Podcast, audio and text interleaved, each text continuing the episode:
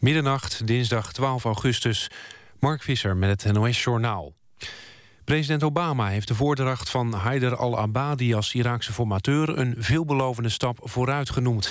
Hij erkende dat Irak door moeilijke dagen gaat en drong er bij de politieke leiders op aan om samen te werken. Afgelopen dag droeg de Iraakse president Abadi voor... tot groot ongenoegen van de huidige Iraakse premier al-Maliki. Obama sprak ook over de reeks luchtaanvallen... die de Amerikanen sinds vrijdag hebben uitgevoerd in Noord-Irak. Hij noemde ze succesvol. In Nigeria heeft de terreurbeweging Boko Haram 100 mensen gedood bij een aanval op de plaats Gwoza. De extremistische moslimstrijders wisten de stad in het noordoosten vorige week in te nemen. Een lokale senator zegt tegen de BBC dat de lichamen van de slachtoffers nog op straat liggen. Bewoners zijn naar omliggende heuvels gevlucht en durven de doden niet te bergen. Hoeveel mensen Boko Haram precies heeft gedood is niet bekend. In het Noorse Trondheim heeft een toestel van KLM enige tijd aan de grond gestaan vanwege een ebola-verdenking. Het vliegtuig was van Schiphol vertrokken. Er zat een zieke passagier aan boord en vermoed werd dat hij besmet was met het ebola-virus. Het vliegtuig werd opgewacht door ambulances. Na de landing is een medisch team aan boord gegaan om de zaak te onderzoeken, maar volgens Noorse media was het loos alarm. Een Noorse journalist twitterde dat de passagier wel hoestte... maar dat kwam door een luchtweginfectie. Een klein meisje dat elf dagen vermist was in een Siberisch bos... is gered door haar puppy. Gisteren werd bekend dat de 3,5-jarige Carina... na een grootschalige zoekactie was teruggevonden... en nu is duidelijk geworden dat haar hond haar s'nachts warm heeft gehouden... en na een week hulp is gaan halen. De pup heeft de reddingswerkers naar het meisje in het bos geleid. Het weer dan in het binnenland overwegend droog. Aan de kust blijft er een grote kans op buien. Overdag en woensdag blijft er kans op buien, maar ook vaak zon. Het wordt dan 20 graden. Dit was het NOS Journaal. Radio 1. VPRO. Nooit meer slapen.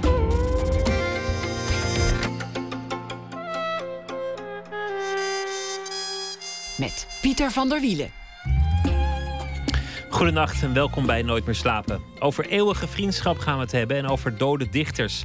Vriendschap in Blik heet een verhaal uit de reeks Plots. Gaan we uitzenden na één uur. En we kijken terug op het programma over dode dichters. De Dode Dichters Almanak, dat nu zelf ook is bezweken. Maar eerst Jan Theeuwissen. Een apologie, een verweerschrift, schreef hij voor de Nederlandse beeldhouwkunst. Want is het eigenlijk wel waar dat wij een land van schilders, of in het kwaadste geval een land van barbaren zijn? Een apologie dus. Jan Theeuwis is bijzonder hoogleraar in Leiden en dit boek hoort bij de oratie die hij eerder uitsprak ter aanvaarding van dat ambt. Jan Theeuwis is directeur van het Scheveningse Museum Beelden AC, een museum dat al twintig jaar beeldhouwwerken toont zonder een cent subsidie op een prachtige locatie aan zee in Scheveningen. En daar hoort ook bij het Sculptuurinstituut dat zich richt op de bestudering van de beeldhouwkunst. Theeuwissen werd in 1955 geboren als zoon van een beeldhouwer. Welkom. Dank. Arie Theeuwissen heette, heette je vader. Hoe rook het thuis? Uh, nou, hij rookte veel sigaren. Dus dat was, uh, dat, uh, denk ik dat dat de lucht was. Mijn moeder kookte heerlijk, dus dat was ook bepalend. En er liepen altijd tekkels rond en katten. Dus dat zal een soort mix zijn geweest van, van de huiselijke geur. Van tekkel, kat, sigaar en, en etenswaren. Ja, ja. Maar geen, uh, niet, niet de geur van, van gips en, nee. en klei. En, uh... Nee, dat was op het atelier. Hoewel, hij werkte, wel, uh, hij werkte ook wel thuis. Hij zat eigenlijk altijd wel te werken. En in de, van het beeldhouden kon je natuurlijk niet echt leven.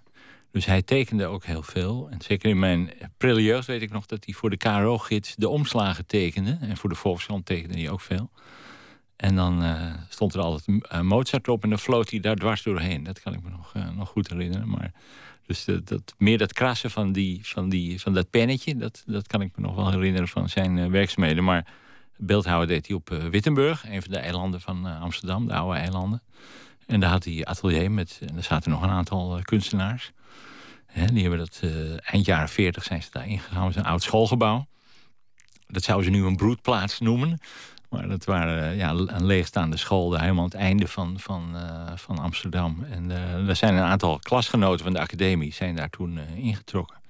En daar, daar boetseerden die en daar werd gips gegoten. En daar werden dingen dus klaargemaakt om bijvoorbeeld naar de bronsgieter toe te gaan. Was het ook een, een, sfeer die, ehm, nou ja, het roept bij mij sfeer op van, van een, een bohemien bestaan. Was, was het dat?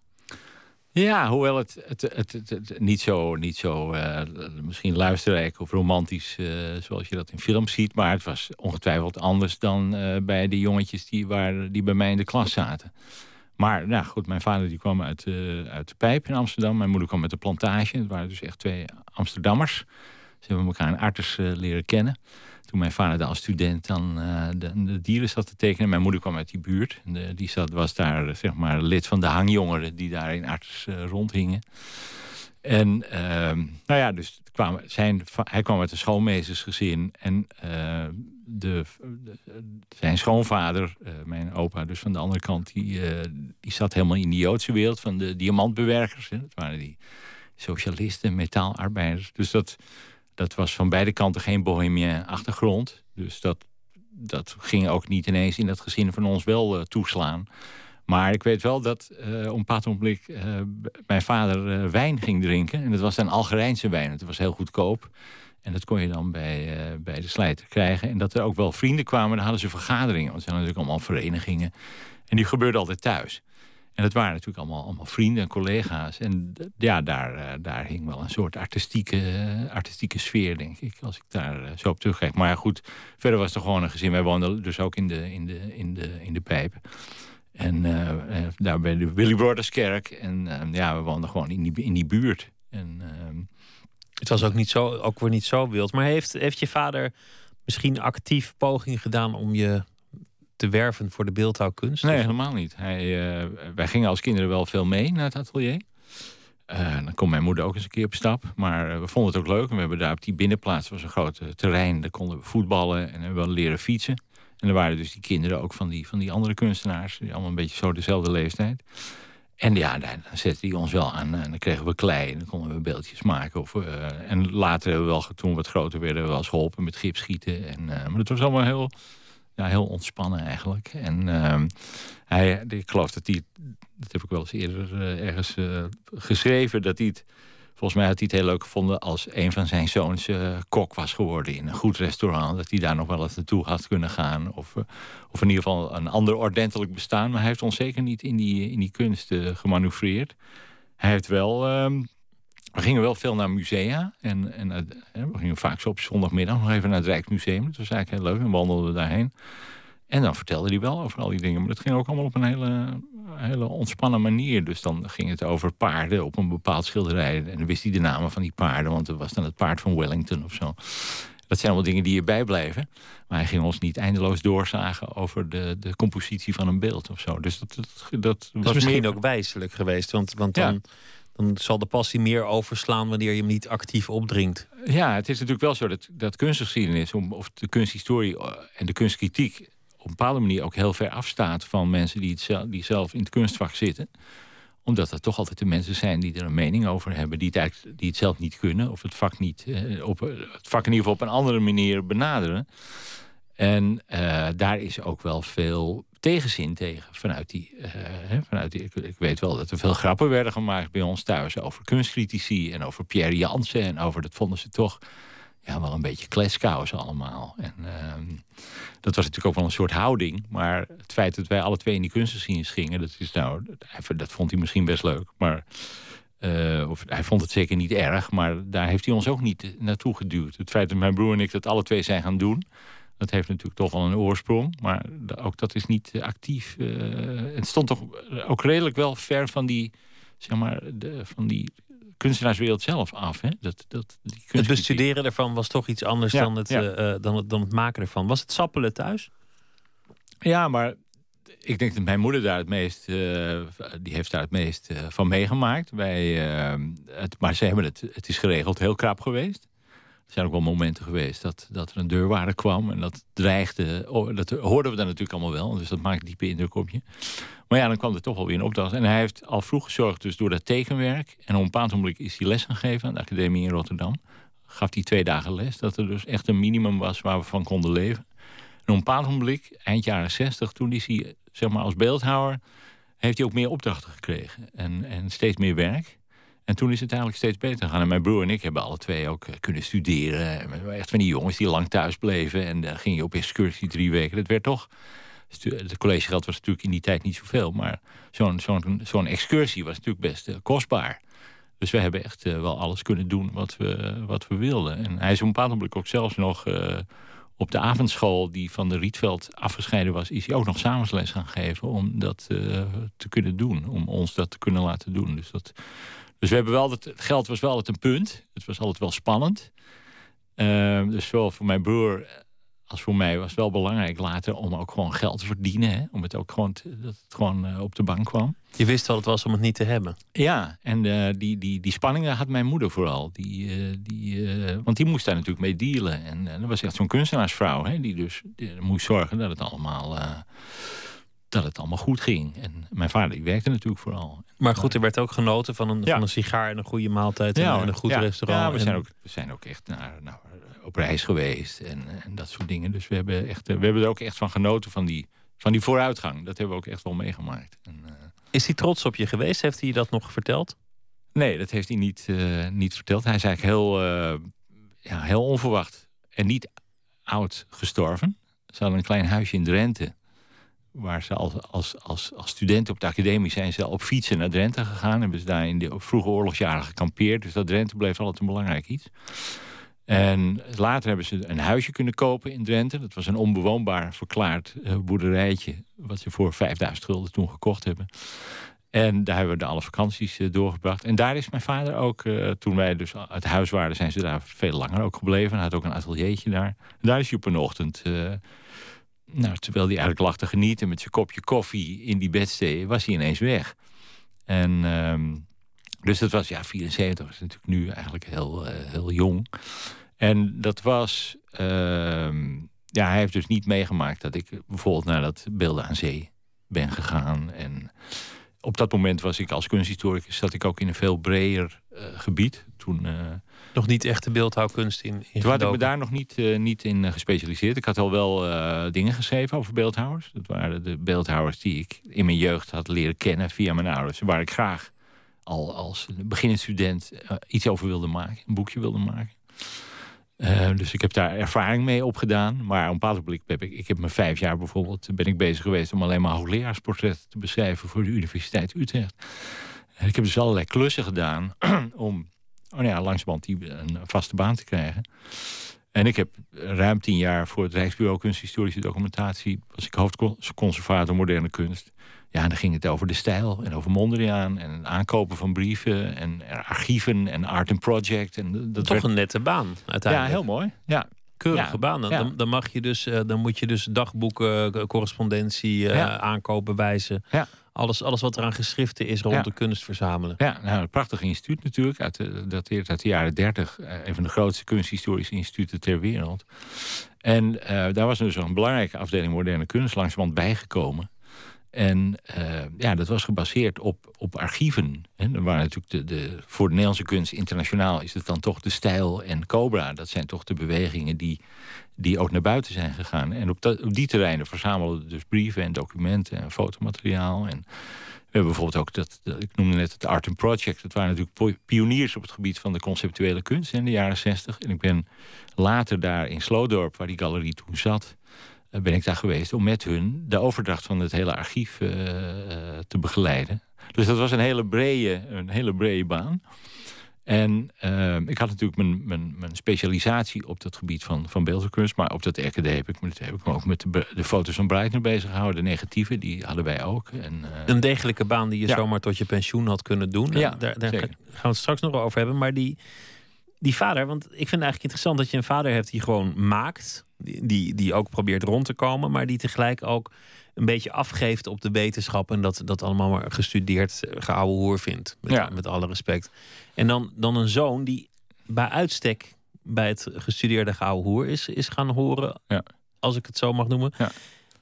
Kan je eigenlijk een oordeel uitspreken over het werk van je vader? Als Eh, kunsthistoricus? nou, ik denk het wel inmiddels. Het, eh, het, is, eh, het, het, het, het, is voor mij natuurlijk heel eigen.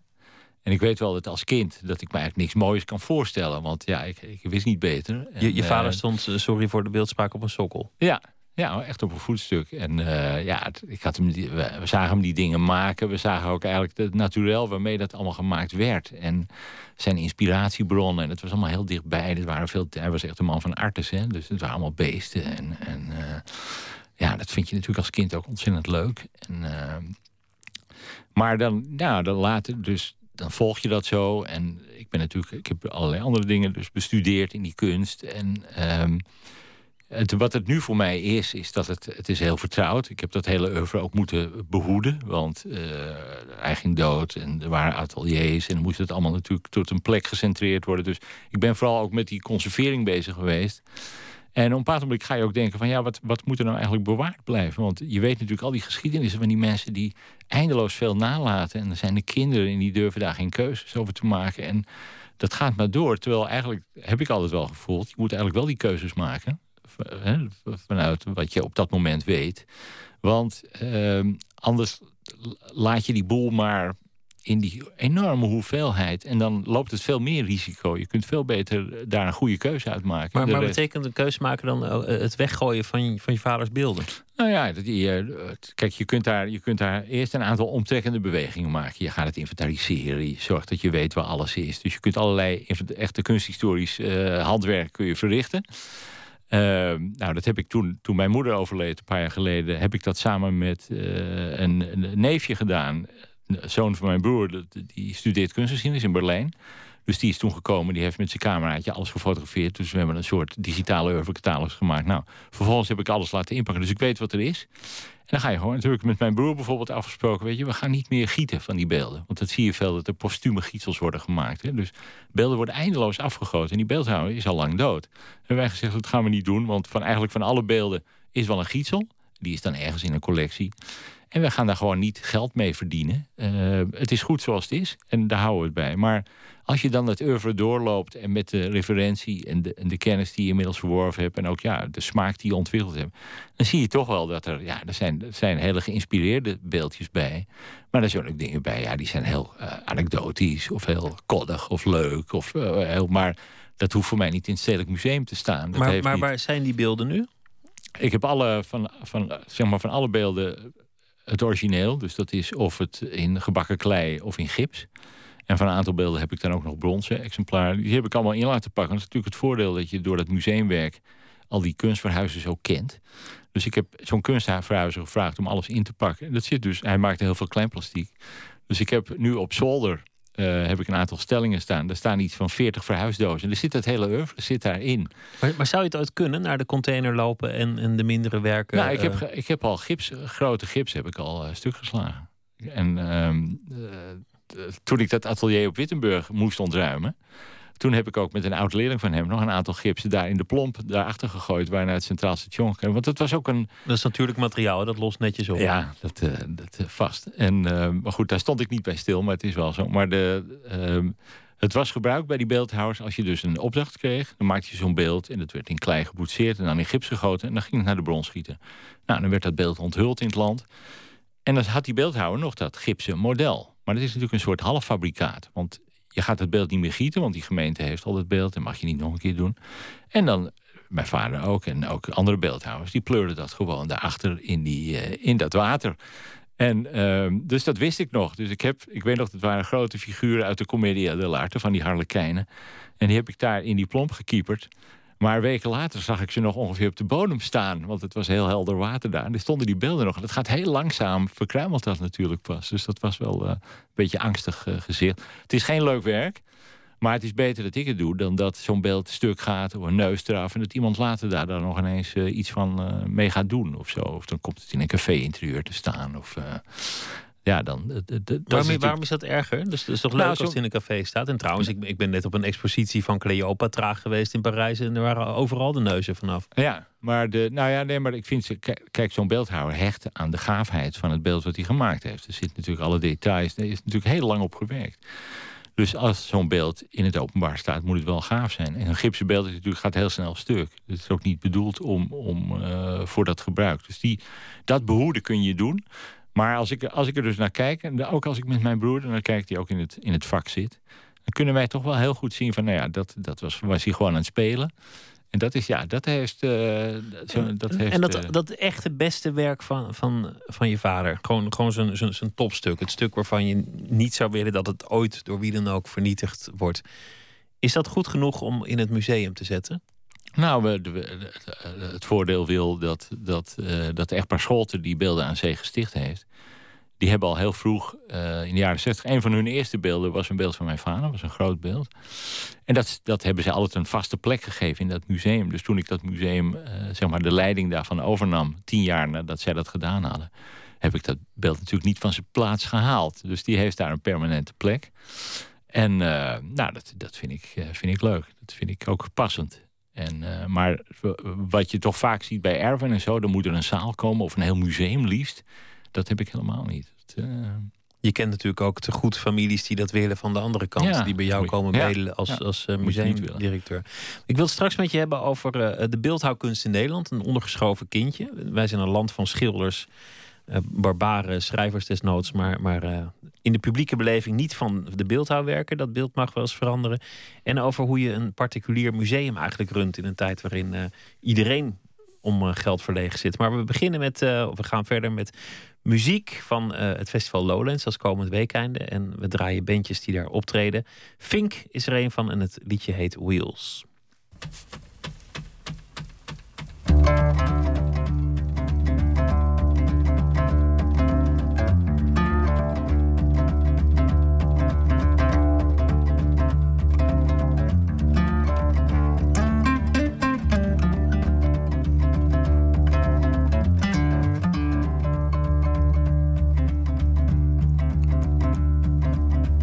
When I first started traveling, I left on my own.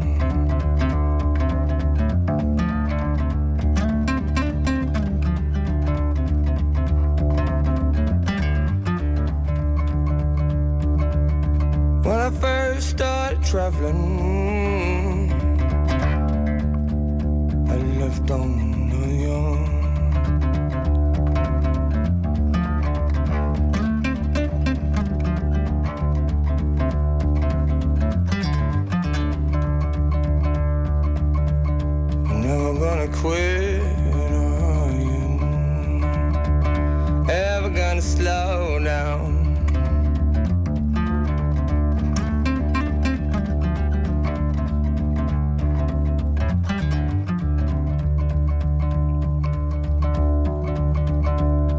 left old Bristol City.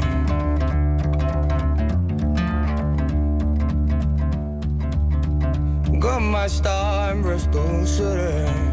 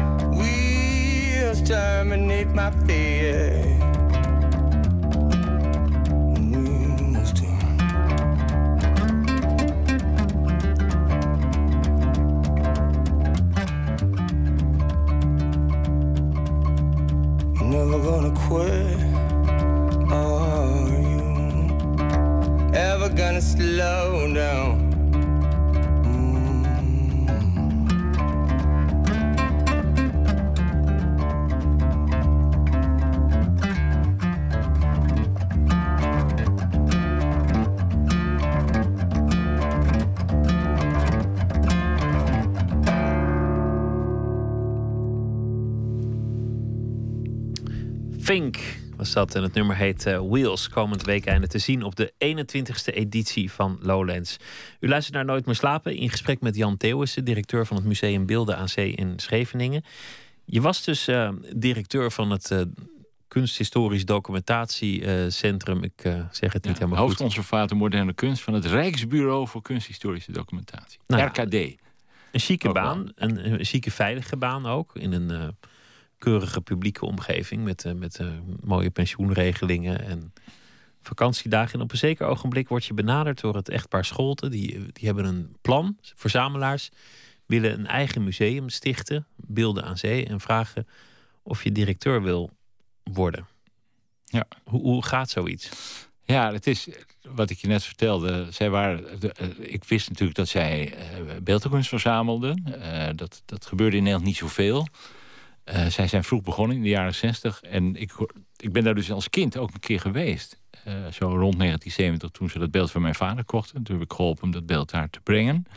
Nou ja, daarna heb ik die mensen niet meer gezien. Maar ik hoorde van mijn vader wel en van andere beeldhouwers van... nou, dat wordt steeds groter, die collectie. En ze verzamelen nu ook internationaal, enzovoort, enzovoort. Want hij, hij was, uh, Theo Scholt was econoom, werkte in het bankwezen...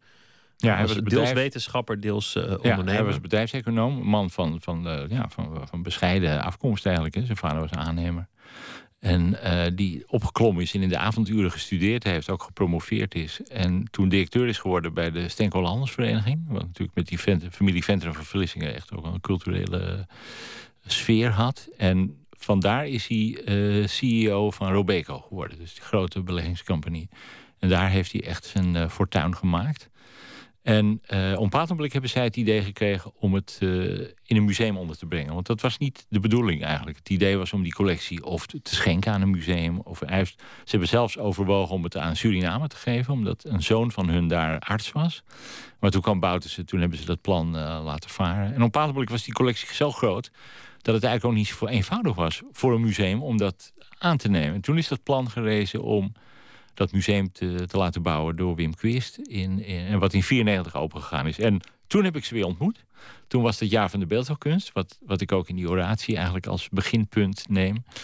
Toen heeft Theo Scholt uh, contact met me opgenomen. Want die had natuurlijk wel gevolgd dat ik over beeldhouwkunst schreef en, enzovoort. Dus, en die zei toen van nou, we gaan een museum beginnen... en we willen graag een artistieke adviescommissie in het leven roepen. En daar zaten dus mensen in als Oxenaar van het Krullenmuller... en, en, en Lambert Tegenbos, belangrijke criticus, kunsthandelaar. En dan wilden ze mij graag als jonge kunsthistoricus in hebben. En ik was toen dus bij dat RKD. Dat heb ik gedaan. Dus ik zat al in die commissie voordat dat museum openging. Dus ik heb het helemaal meegemaakt vanaf het begin. En het was heel leuk, want we vergaderden twee keer per jaar. En dan ging uh, Theo, die was dan twee uur lang aan het woord. En alle aankopen waren al gedaan. En wij stemden daar natuurlijk mee in, want dat was uh, allemaal leuk. En het was ook zijn geld. Ja. ja. precies. Het was zijn hobby. En, en het, was, uh, het was heel leuk om daaraan te proeven. En ik zat natuurlijk heel erg in die gevestigde wereld. Hè? Zo'n zo bedrijf dat helemaal zo vanuit het ministerie wordt gefinancierd. Particuliere musea, dat bestond eigenlijk nog helemaal niet in Nederland. Een beetje.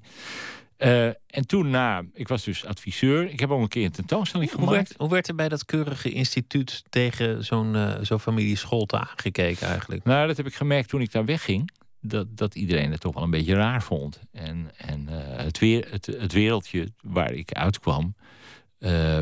keek toch een beetje tegen die particuliere musea aan... als, ja, wat is dat voor borstklopperij? En er, er was ook geen ervaring mee.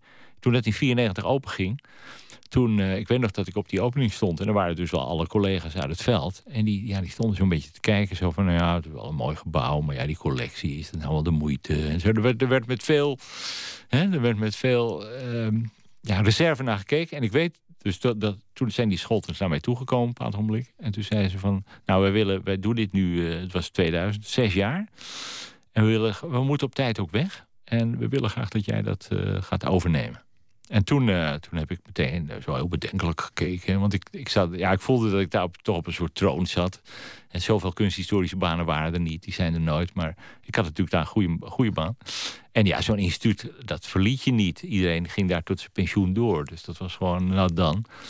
En, dus ik heb daar terughoudend op gereageerd. En een van de dingen, weet ik nog, die ik gezegd heb, was van ja... Maar ik ken het museum natuurlijk goed als lid van die commissie. Ik zei, nou, het is natuurlijk, jullie werken met die vrijwilligers. Daar heb ik natuurlijk al helemaal geen zin in om met vrijwilligers uh, te werken. En ik zag wel dat, dat, hem dat pijn deed, dat ik dat zei. Maar goed, hij liet zich niet kennen. En toen is het eigenlijk, toen ik thuis kwam, dat tegen mijn vrouw zei. En die, die komt zelfs uit, zelf uit een handelsgeslacht en had een vliegerwinkel. En was altijd juist heel erg van het zaken doen. En die zei van, nou, je bent eigenlijk wel gek dat je daar ook niet even gewoon serieus over nadenkt. En uh, dat je meteen uh, dat. En een collega van mij op het RKD, die toen naar uh, Berkeley ging, die werd hoogleraar daar. Die zei ook van, nou, ik zou er toch nog maar eens even over nadenken. Want die particuliere musea, heel Amerika drijft erop. En dat wordt natuurlijk ook de toekomst in, in hen. Dus je moet eigenlijk kijken of je niet eh, hun iets kan voorleggen, waardoor je toch met dat onderzoek door kunt gaan. En eh, dat je dus onderzoek eigenlijk combineert met dat werk. En toen, ben ik, toen heb ik gezegd, ik wil er toch nog eens over praten met jullie. Toen heb ik een voorstel gemaakt om aan dat museum, dat sculptuurinstituut, te, te, te plakken. Dus ook om onderzoek te gaan doen, niet alleen tentoonstellen en aankopen, maar ook ehm, nou ja, de kunsthistorie te bedrijven. Ja, om onderzoek te doen breder naar, naar moderne beeldhouwkunst. En het goede van het plan was eigenlijk dat het ook diepgang meteen gaf aan dat museum. En het was op een moment dat eigenlijk alle musea aan het bezuinigen waren. Het eerste wat ze deden was de bibliotheek eruit gooien. En wij haalden nou juist de bibliotheek naar binnen. Wij gingen laten zien dat dat juist heel belangrijk is. Dat de bezoekers een boek kunnen openen, dat de medewerkers een, boek kunnen inzien, dat je, dat je dingen doet. En uh, nou ja, toen heb ik dat voorstel gedaan en toen heb ik dat helemaal uitgewerkt. Toen zei je, nou, wat, maak dat plan maar. En, en ja, toen kon ik niet meer terug. Want toen zei ze, ja, dat lijkt een goed idee. Dan moet dat hier ook gebouwd worden. En dan gaan we dat. Uh... En toen is met Quist gesproken. Toen is dat plan gerezen. Omdat onder de terrassen waar nog zand was. Om dat weg te halen. En daar het instituut te bouwen. En die terrassen daar weer als dak op te zetten. Maar nog even om terug te komen op wat je eerst zei. Ik weet nog wel dat ik toen dus die stap ging maken. En dat ook aankondigde. En dat het sfeertje toch een beetje was van... jij gaat naar Van de Ende. En het grappige is dat Van de Ende is natuurlijk nu enorm in aanzien. Maar dat was toen, in, dan hebben we het over 2002, hè?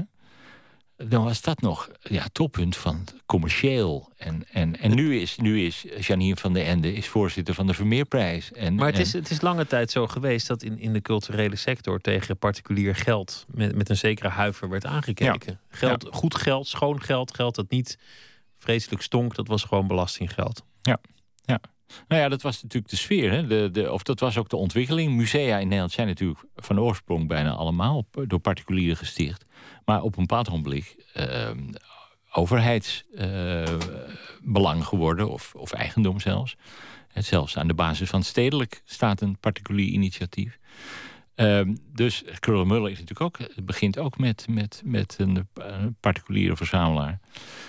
Maar ja, wat had je nog? Het Zingenmuseum was eigenlijk een van de weinigen waar... maar goed, daar loopt ook een subsidie vanuit de gemeente. En toen kreeg je de Pont hè, in Tilburg, in de jaren tachtig. Nou, daar werd toen ook nog vreemd tegen aangekeken hoor. Dan hadden toch ook mensen die schreven van... geef dat geld aan het Stedelijk Museum, ga niet daar zelf iets doen. Ja, dat is een van de mooiste musea in Nederland geworden. En, uh, en dat hebben die scholters natuurlijk ook meegemaakt nog in de jaren negentig. Dat daar, maar dat, ja, dat is dus volstrekt gekanteld, die, uh, die appreciatie.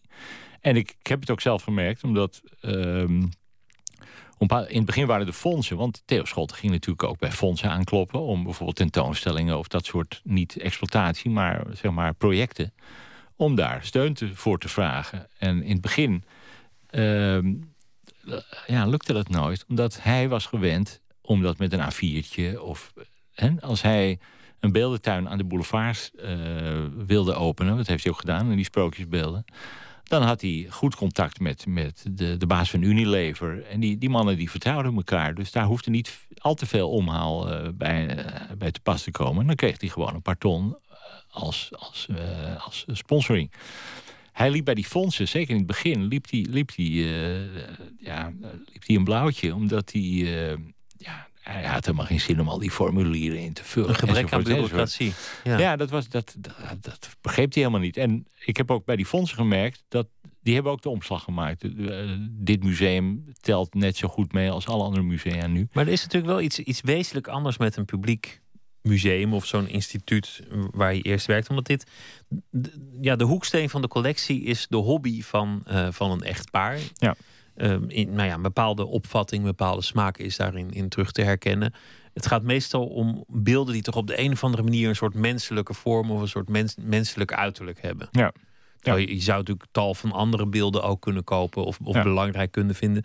Dus, dus als je een museale functie ook ziet als het hebben van een brede doorsnee van wat er leverbaar is, ja. dan kun je toch niet van particuliere musea hebben.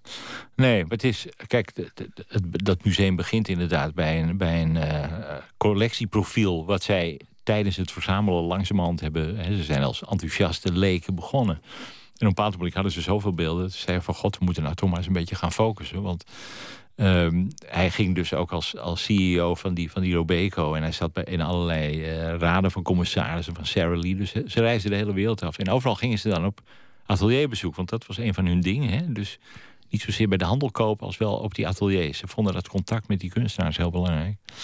En toen zei ze op een bepaald moment gaan denken... weet je wat, we, we, het waren alle twee uh, zeg maar, progressieve katholieken. Hè? Hij heeft ook aan de basis van de Novib gestaan. Dus laten we jonge kunstenaars uh, steunen, jonge beeldhouwers. En dan, zij, zij hielden heel erg van dat, van dat ambacht... of in ieder geval beeldhouwers die een ding maakten, een mooi object. Het was ook in de jaren zestig, dus de tijd van de conceptuele kunst. Uh, dus zij kozen echt voor dat ambacht. En op een bepaald moment hebben ze gedacht... ja, eigenlijk vrijwel alles wat we hebben gekocht nu toe... dat heeft wel iets met de mens te maken. Dus laten we dat nou maar als, als, uh, als uitgangspunt nemen. En dan mag het ook wat abstracter worden. Nou ja, daar zitten hele conceptuele dingen natuurlijk. Er zitten ook gewoon beelden bij van, van Tony Craig... en van, van uh, Chilida en van... kijk, zo'n collectie wordt natuurlijk... dat is ook Beschrijft die beelden van, van Tony Craig en, en, Nou ja, dat zijn ook dingen die met de menselijke figuratie te maken hebben. Maar dat, dat moet je dan ook wel weten. Dat zijn toch hele conceptuele beelden. Maar dat is dan maar een, we hebben ook een beeld van een oor. En we hebben ook een hoed. En we hebben ook een rok. En, en Um, ja, het, als je wil kun je er vanuit de human condition altijd wel iets bij verzinnen dat het iets met de mens heeft. Wat ze vooral niet hadden waren paarden en, en vechtende beren. Dat, dat, dat viel dus duidelijk buiten hun belangstelling. Daar heb je ook musea voor. Maar, maar zo krijg je dus een, een particuliere kijk, visie op, op zo'n ontwikkeling van de beeldkunst. Maar het aardige is dat zij zo, um, omdat ze zo internationaal georiënteerd waren. Um, is het leuke van zo'n collectie dat je juist door die, door die beperking voor één medium, beeld en voor het object, dus niet video's en installaties, maar gewoon dingen. En uh, voor zo'n onderwerp, dat je dan ziet dat bijvoorbeeld, ze kochten ook bijvoorbeeld van Inuit. Hè? Dus in Canada kochten ze dan een spekstenen beeld van een, een Eskimo, zeg je niet meer tegenwoordig, maar een Inuit. En dat je dan een, een beeld ziet. Uh, en dan in Amsterdam zit er dan een beeldhouwer die, die bijna net zoiets maakt. Terwijl die mensen elkaar nooit ontmoet of wat dan ook. Dus die hele, die hele brede uh, ontwikkeling hebben zij toch op een bepaalde manier wel geraakt. En bijzonder dat ze rechtstreeks bij de kunstenaar uh, kochten en daar ook naar, naar het atelier ging. Niet naar veilingen, niet eerst een instituut als ja. Christie's ertussen, maar gewoon zelf erop uit in de hand schudden. Ja. Wat waarschijnlijk ook het risico met zich meebrengt dat, dat persoonlijke sympathieën gaan, gaan ja. meespelen. Ja. Het is, ja, in dat, daar, Als je het gewoon een aardige vent vindt, zul je eerder een beeld meenemen ja, dan wanneer je nou, dat zit ook, dat zit ook, We hebben ook die, dat archief hè, met al die brieven. Ze zijn ook uh, echt met een aantal kunstenaars heel dik bevriend geraakt. Uh, maar dat zei ze ook wel. Ja, dan waren we bij die man in Parijs. En dat was zo'n aardige man. En hij was zo geschokt. En toen hebben we toch maar een beeld gekocht. Want ja, nou ja, dat, er is altijd wel iemand die het mooi vindt of zo. Dus dat ja, zo relatief. Uh, maar dat, dat geldt natuurlijk voor enkele stukken. Maar uh, dat speelt wel. En, maar ze hebben. Uh, ik ga nog steeds met, met uh, Lida Scholten, die uh, net 93 is geworden. Die ga ik nog geregeld mee op atelierbezoek. Omdat ik dat ontzettend leuk vind. En um, ja, we gaan ook naar Klaas Gubbels, waren we bijvoorbeeld een tijdje geleden. En ja, wij gaan daar nou niet weg met het idee van we hadden iets moeten kopen of wat dan ook. Je, ja, je, je, laat je informeren. En, en het is ontzettend leuk zo'n bezoek. En wat zij deden was dat Theo dan, de, Theo Scholten, die, die startte dan de onderhandeling. En zij ging daar nog een beetje rondkijken op dat atelier. En hij was natuurlijk, bleef natuurlijk wel een zakenman. Maar, maar ze hebben ongetwijfeld. Maar ja, kijk, als je in de collectie van Stedelijk kijkt.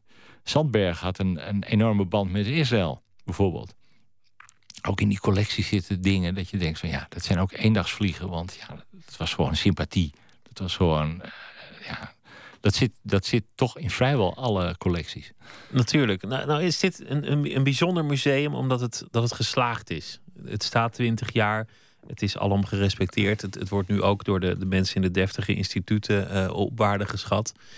Maar als je directeur bent van zo'n museum, krijg je natuurlijk ook te maken met andere kanten van, van particulier verzamelaarschap. Want de musea kunnen het langzaamaan niet meer betalen om alles bij te houden. Het is gewoon te Nee. duur geworden. De subsidies worden gekort.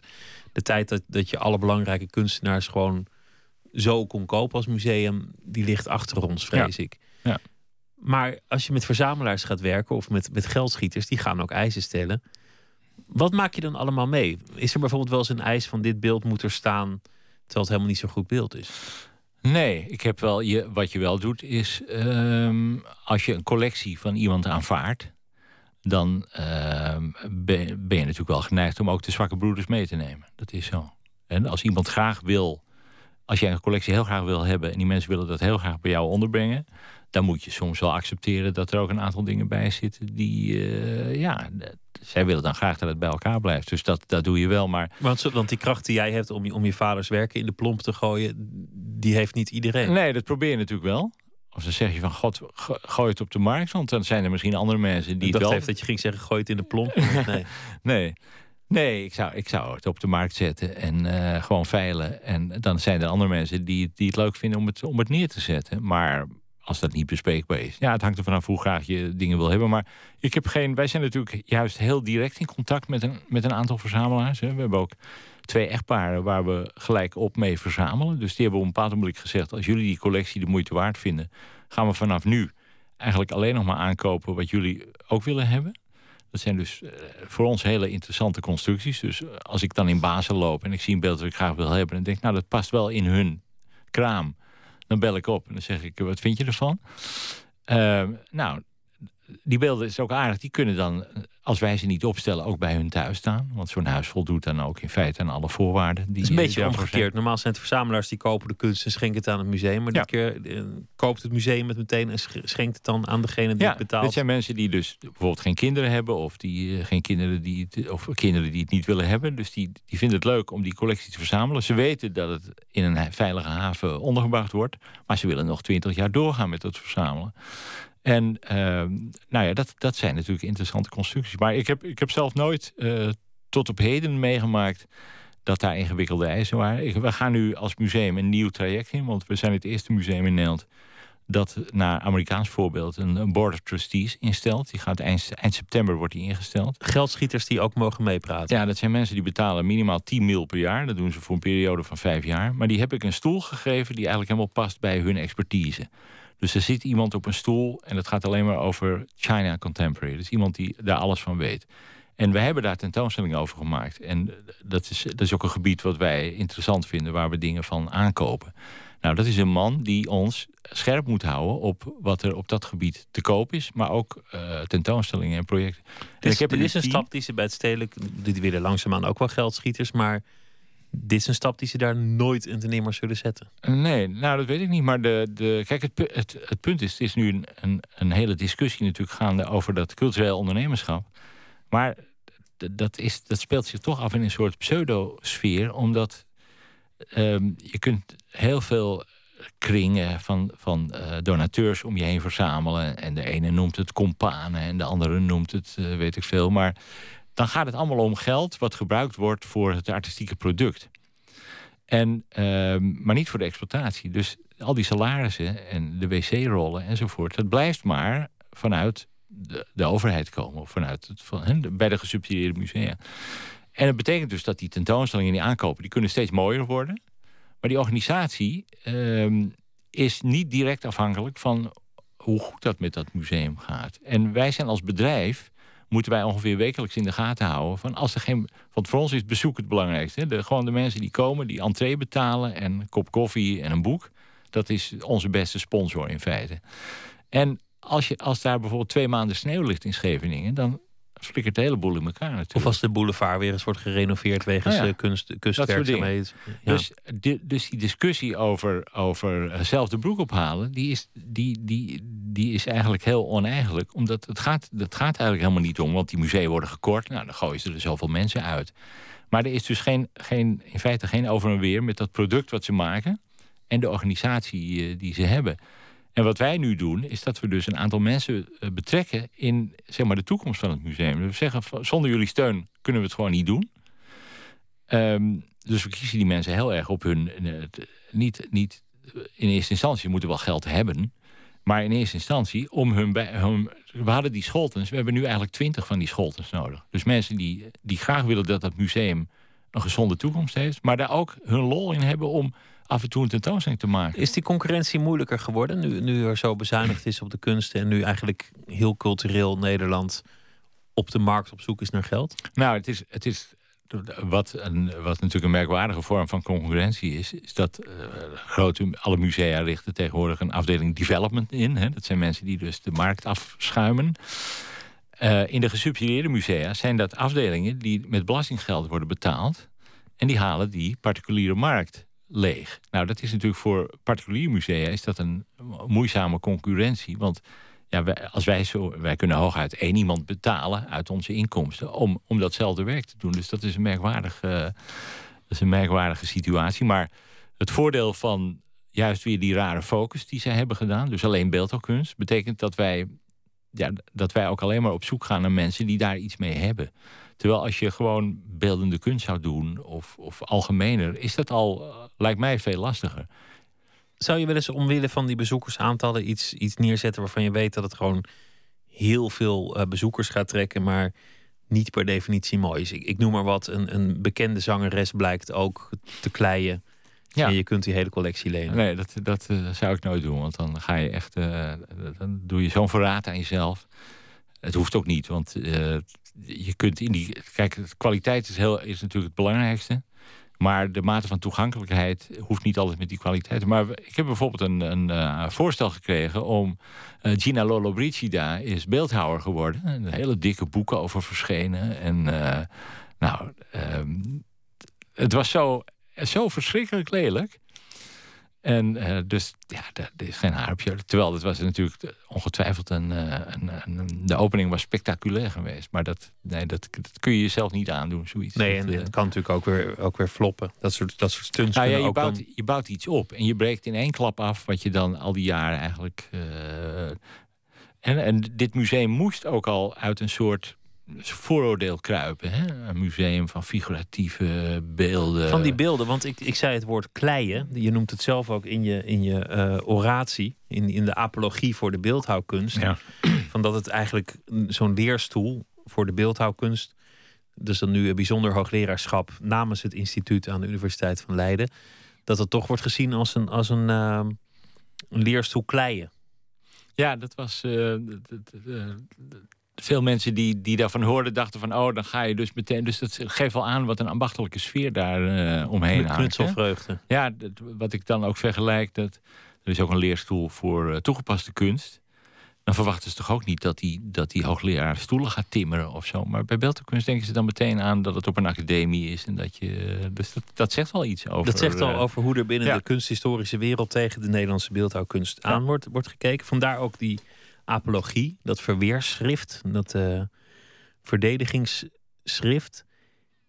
Is Nederland ook een land van beeldhouwers of, of is het uiteindelijk toch gewoon een land van schilders? Nee, ik denk dat het, dat het wel degelijk een land van, van beeldhouwers is. Zeker in de 20e eeuw is dat zo geweest. Maar dat beschrijf ik ook in die, in die oratie. Ik, ik deelde eigenlijk wel de mening dat dat pas in de 20e eeuw uh, goed op gang is gekomen. Maar ik, ben daar, uh, ik heb daar ooit een discussie over geopend met Frits Scholten, de conservator beeldkunst van het Rijksmuseum. En die was eigenlijk fel tegen die, uh, die theorie dat er eigenlijk niks was tot 1900. En uh, daar ben ik toen ingedoken en daar is eigenlijk dat hele verhaal uit voortgekomen. Dus daar, daar heb ik hem ook hartelijk voor bedankt. Want dat was eigenlijk een hele goede stap. Want op een bepaald moment zit je in een soort cliché denken en dat blijft dan maar doorgaan. Een van die clichés is dat 1566 de, de beeldenstorm dat, dat we hier toen alle beelden uh, kapot hebben gesmeten in ja. onze cultuur. En dat dat eigenlijk een enorme echo heeft gehad in het Nederlands denken over, de, over beeldhouden. Ja, ja. Nou ja, het is, het, het, het, is, niet, het is niet helemaal onwaar natuurlijk. Er, is, uh, er is heel veel gesloopt toen. En uh, Nederland was uh, toch enige tijd niet de plek waar je nou als beeldhouwer veel opdrachten kon verwachten. Maar ja, wat ik, wat ik daar ook in beschrijf is dat het natuurlijk typisch dat er toch weer een soort schuilkerk uh, uh, cultuur op gang kwam, die gedoogd werd. En waar wel behoefte was aan beeldjes en aan, aan versierde kerkbanken. Dus er, er, er, zeg maar het grote openbare werk, dat was, dat was afgelopen. Maar ja, aan de andere kant, het was dan niet de, de, de, de religieuze uh, patroon die uh, de opdrachten gaf. Maar er kwam dus een, uniek voor Nederland, een burgerlijke macht voor terug. En het stadhuis op de Dam is natuurlijk dat is een wereldwonder. En dat is een, een taart vol uh, sculptuur. Dus daar is uh, bijna twintig jaar is eraan gewerkt. Dus Nederland werd... Er kwam een andere mecenas eigenlijk voor de kerk in de plaats. En dat, waren dus de, dat was de burgerlijke macht. Dus daar zijn dingen voor in. En die 17e eeuw heeft ook een enorme bloei laten zien. En het heeft denkt, ook altijd iets... Want je noemt het paleis op de Dam een, een, beeld heeft al snel iets politieks. Het is mm. vaak een, een, beeld van iemand of ter ere van iets of ja. ter, ter, nagedachtenis aan iets. I- Is, is dat meer dan bij, bij andere kunstvormen, dat het een politieke factor is? Nou ja, het is natuurlijk, het is, natuurlijk eh, het is een, een, een, een, vorm van kunst die het buiten goed uithoudt. Dus je kunt daarmee gaan eh, herdenken. En, en, eh, dus dat, dat is, is, een, is een belangrijke kant van die beeldhouwkunst. Aan de andere kant heb je het ook natuurlijk in de toegepaste vorm eh, aan de huizen in, in, Nederland. Hè. Dus de gevelstenen is ook een, ook een eh, zeer populair. En dan natuurlijk voor het, voor het, eh, voor het binnenhuis. En wat natuurlijk een verschil is tussen de Latijnse wereld en, en hier in het Noorden, is dat, je, dat het leven, het openbare leven, zich toch veel ook binnen afspeelt. Hè. De, Nederland is ook niet een land voor grote pleinen en, eindeloos eh, daar eh, paraderen. Dus daar zijn wel degelijk verschillen. Maar het is toch zo dat, en da- daarom heb ik ook geprobeerd om die duizendjarige geschiedenis, om die lijn toch door te trekken. Eh, het gaat gewoon door. En er zijn natuurlijk bloeiperiodes en mindere periodes. En er zijn ook echte momenten geweest waarop er eh, behoorlijk gesloopt werd. En, en er, nou ja, er niet een, een, een goede voedingsbodem was voor een rijke traditie. Maar het gaat wel door. En dus er is, eh, er is een, een belangrijke Nederlandse geschiedenis van de beeldhouwkunst. Toen ging ik meteen nadenken over welke beelden ik dan weet in Nederland of Ja. weet te staan die, die heel belangrijk zijn. Maar de, de meeste beroemde Nederlandse beelden waar ik op kom zijn eigenlijk gehoord lelijk. Zoals eh, nou ja, in Amsterdam, het, het lievertje vind ik nou niet echt een, een, een wonder van schoonheid. Het beeld voor, voor Johnny Jordaan is dus niet echt dat je zegt van goh, nou. Ja, dat is... Maar eh, waarschijnlijk zie ik er heel veel over het hoofd. Nou ja, maar het is net als met architectuur. Hè? Kijk, die grote driedimensionele dingen.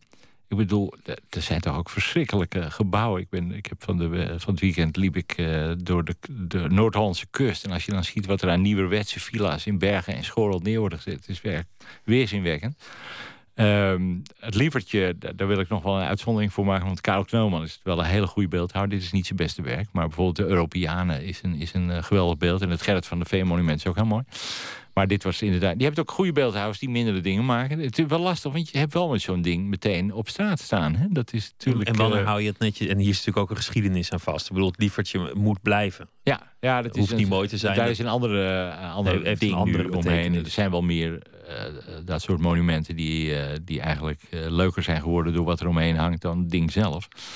Maar ja, dit is zo. Het is, eh, dat, dat is natuurlijk ook het probleem met, met, met eh, driedimensionele kunst in het openbaar. Dat het, eh, als het er eenmaal staat, dan. eh, het, voordat het geslaagd is, het is ja, moet je een hele goede kunstenaar hebben. Het onderwerp moet zich ervoor lenen.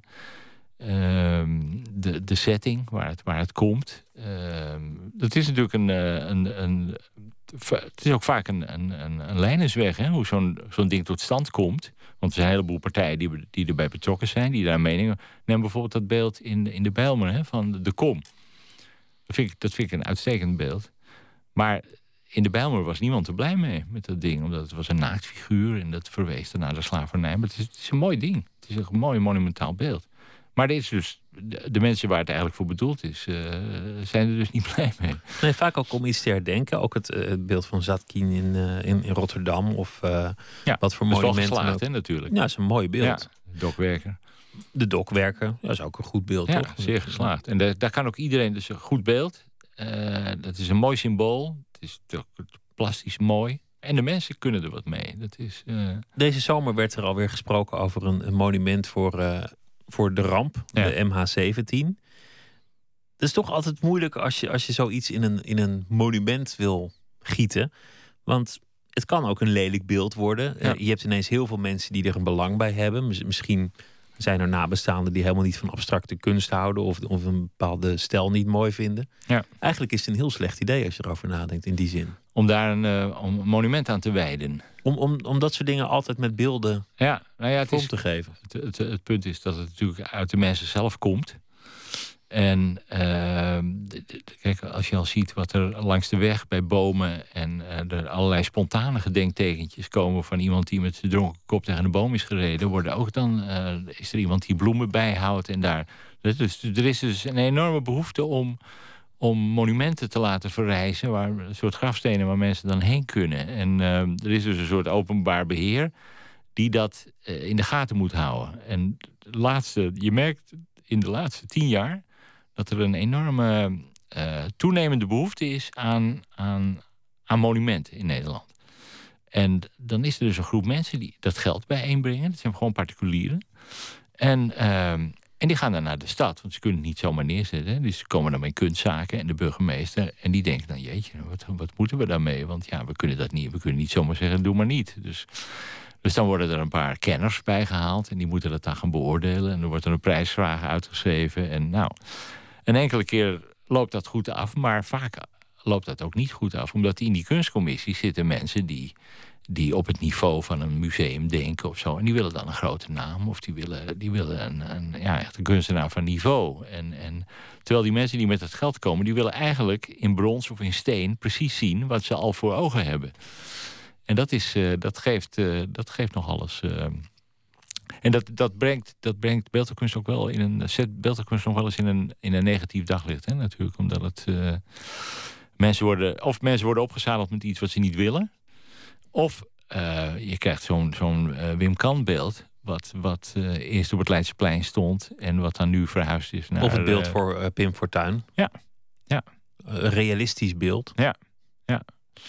Ja, maar er zijn natuurlijk... Ja, je, je, in, in, juist in die figuratieve kunst... Ehm, aan een figuratief beeld kun je eigenlijk vrij snel zien of het goed is of niet. En dat is bij een abstract beeld natuurlijk veel moeilijker... of bij een, bij een conceptueel werk. En heel veel, die, die, eigenlijk die figuratieve stroming, die wordt uh, enorm bedreigd door, door de slechte figuratieve beelden. Omdat het ook een beetje hobbyisme is natuurlijk. ja, is, dan, uh... zie je, dan zie je, dat zie je dus als je dus door het land wandelt. Zie je overal wel in, uh, in, in dorpen en zo. Zie je dus op de brink een, een beeld van een, van een boer of van een, van een lokaal ambacht. En dan hebben ze dus een plaatselijk iemand of een neef van de burgemeester of zo. En dat is echt, echt verschrikkelijk natuurlijk. Noem dan toch even voor het contrast de, de echte hoogtepunten van de Nederlandse beeldhouwkunst. De, de werken waarvan je zegt van ja, dit is zo tranentrekkend mooi. Je noemde al het dokwerker en, en, uh, en Satkin, maar noem eens echt de, de, de mooiste Nederlandse beeldhouwkunst? Nou, het, het, ik denk dat het allermooiste is toch wel de, de Erasmus van Hendrik de Keizer. Dat is natuurlijk een ongelooflijk mooi beeld. 1618, moet je je voorstellen. Het is in brons gegoten. Het heeft al die eeuwen doorstaan, maar dat is zo'n, eigenlijk zo'n poëtisch beeld. Het is ook een portret hè, van, van een hele grote man. Het is onlangs binnengezet, toch? Omdat dat ze bang waren dat het gejat werd vanwege de gunstige bronsprijs. Ja, ja, het, is een, het beeld wordt goed beheerd daar in Rotterdam. Het is ook in de oorlog is het natuurlijk weer naar binnen gehaald en zo. Maar ik heb het een tijdje geleden nog gezien. Maar het is natuurlijk ongelooflijk. Dat, uh, dat, denk ik het allermooiste beeld in Nederland. Ja, dat kun je vergelijken met een, zeg maar, een Donatello in, in, in Venetië. Of in, dat is echt uniek ook. Hè? Dat zo'n beeld in die tijd zo gegoten werd en zo gemaakt is. Want we weten verder niet zoveel van Hendrik de Keizer. Maar zo, zo hoog niveau kon er dus gehaald worden. Maar wat natuurlijk een. Ja, Charlotte van Palland heeft natuurlijk met die Wilhelmina's... heeft natuurlijk ook echt iets neergezet. Hè? Dat is toch iets waar iedereen zich in kan vinden. En het is toch een hele interessante, bijna abstracte plastiek. Dat, dus art, hè, de, Welke Wilhelmina's bedoel je? Ik denk, ik denk meteen aan het pepermuntje, maar... Nee, dat, die grote berin. Weet je? Zij, oh, ja. zij is geïnspireerd door dat beeld van Wilhelmine... die van die vliegtuigtrap in die grote buffelse jas...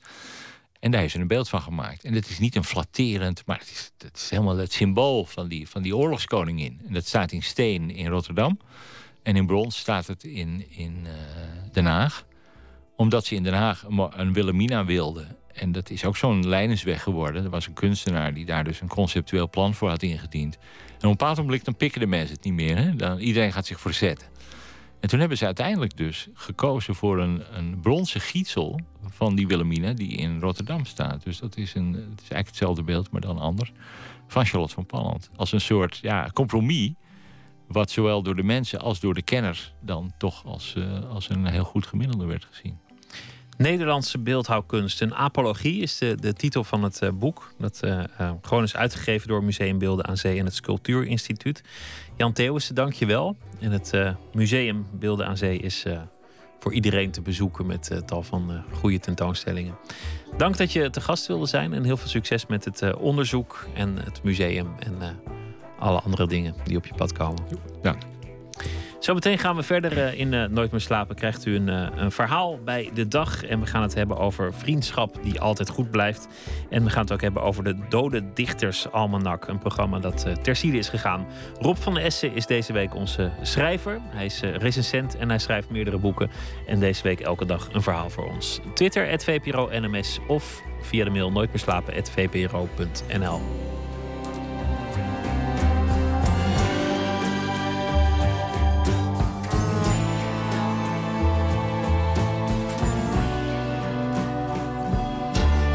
Radio 1, het nieuws van alle kanten.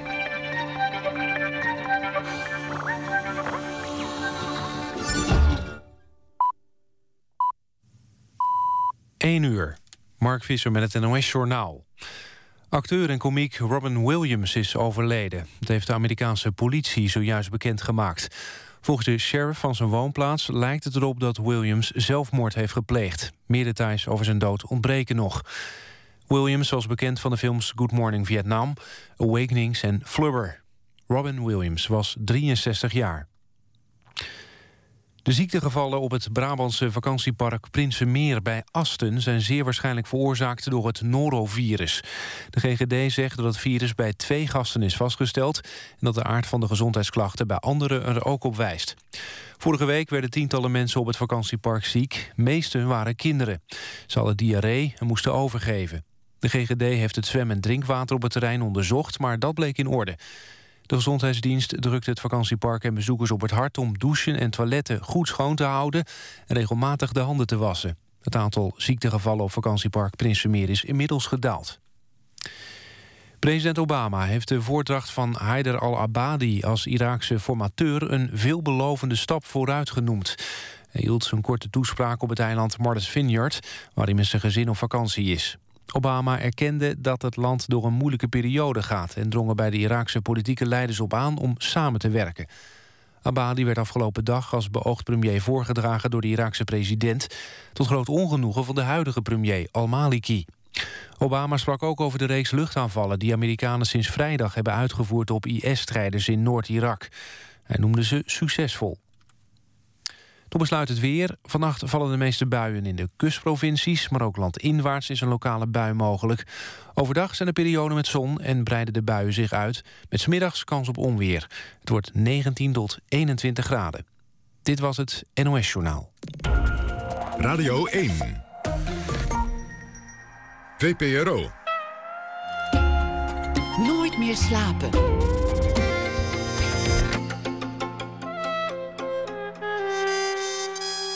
Met Pieter van der Wielen. Rob van Essen die recenseert voor NRC Handelsblad Engelstalige literatuur. Hij schrijft zelf ook boeken, waaronder een verhalenbundel Elektriciteit en de romans Visser en Engeland is gesloten. Over twee weken verschijnt een verhalenbundel Hier wonen ook mensen. En deze week schrijft hij elke dag voor ons een verhaal bij de voorbije dag. Goedenacht, Rob van Essen. Goedemorgen. Wat heeft je bezig gehouden zoal? Vandaag? Ja, of de afgelopen dag, of uh, de, wat heeft je uit je slaap gehouden, of uh, waar ga je het over hebben? Ik, uh, ik deed vanmorgen een rondje over de krantensite en mijn ogen bleven haken op iets wat ik op de Volkskrant zag. En dat was de prachtige kop Online drekpool aan anoniem werknemersleed. Mooi, ja. mooie kop. Vooral het woord online drekpool, dat is één woord. Dat is genot voor scrabbelaars, denk ik. Online drekpool? Ja, denk dat het Engels komt. Online cesspool zou dat geweest zijn of zo. Oh ja, ja cesspool is een wat vaker gebruikt woord dan, dan drekpool. Ja, het is zou, bijna zou... alsof ze door Google Translate ik, ik zou dan... Je zou eerder over een, een gierput praten in het Nederlands. Precies, of een, of een beerput of zo. Ja. ja. Maar goed, wat was de, de online drekpool voor werknemersleed? Dat ging uh, over de site Glassdoor, een Amerikaanse site waar werknemers anonieme recensies van hun bedrijf, van hun bazen op konden zetten. oh, dat, dat zal er niet om liegen. Nee, precies. Omdat het anoniem kon, kan iedereen eens even lekker de waarheid zeggen. Dat uh, gebeurde dan ook uh, voluit, met volle overgave. En wat, wat, zijn, wat zijn de klachten?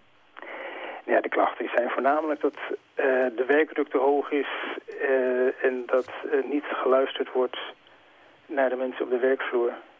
Het is natuurlijk, ik heb even die site aangeklikt. Het is een site waar je dan natuurlijk eerst uh, lid van moet worden... en je moet registreren voordat je de recensies helemaal kunt lezen. Maar uit de kleine stukjes die je kon lezen...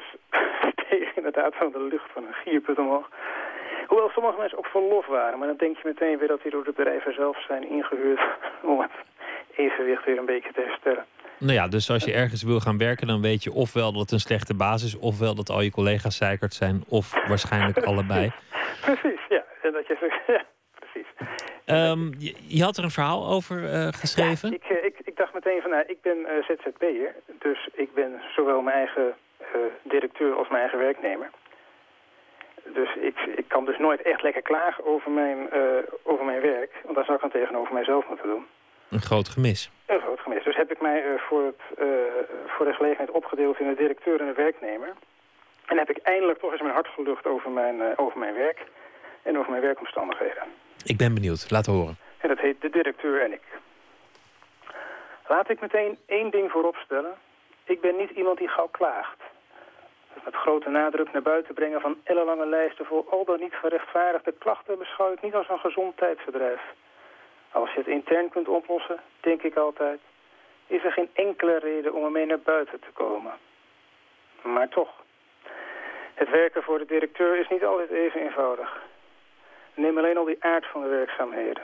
Dan moet er weer een verhaal worden geschreven, meteen daarna een recensie gemaakt of een vertaling vervaardigd en tussendoor moet er dan ook nog even een roman worden geschreven. Make up your mind, zeg ik wel eens tegen de directeur. Maar die, zegt dan dat we dat nu eenmaal geld moet worden verdiend.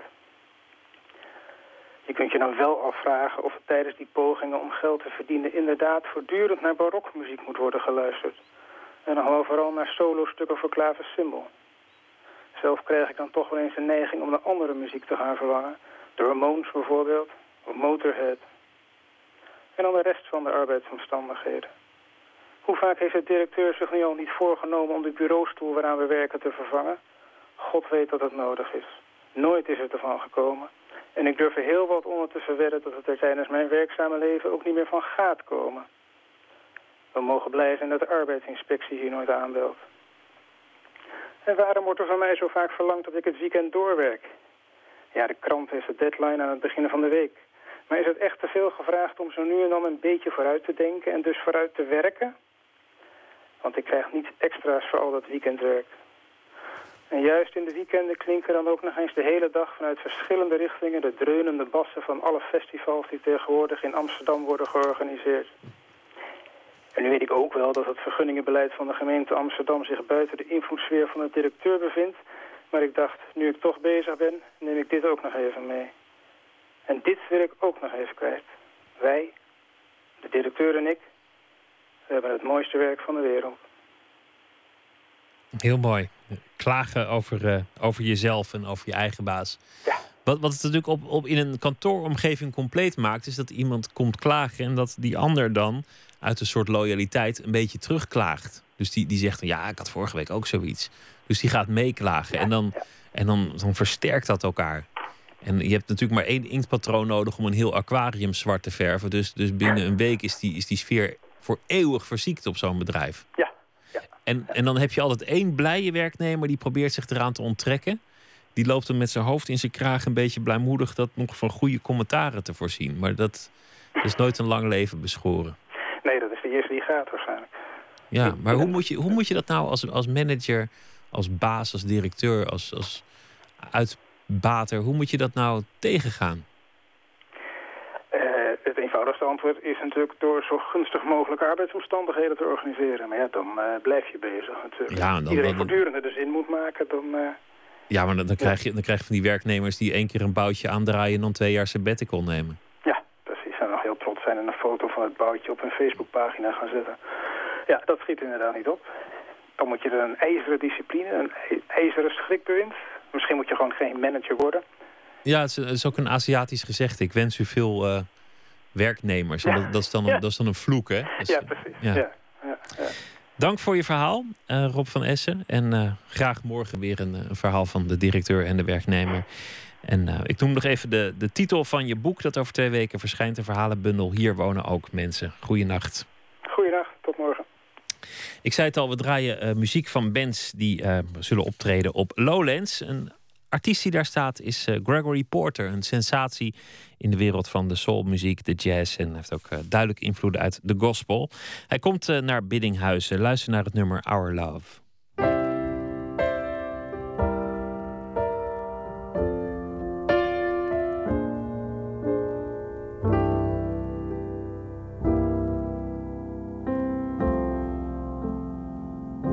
They you're the reflection of my love. We're incomplete, but you're the direction of my love. Vultures are flying round the ramparts of the towers of our love. Don't it sound sweet? our love. How did we meet? This is the question of our love. They pray defeat. Betty Paul bearers of our love. Forces of hate have stormed the gates around the castles of our love. don't it sound sweet?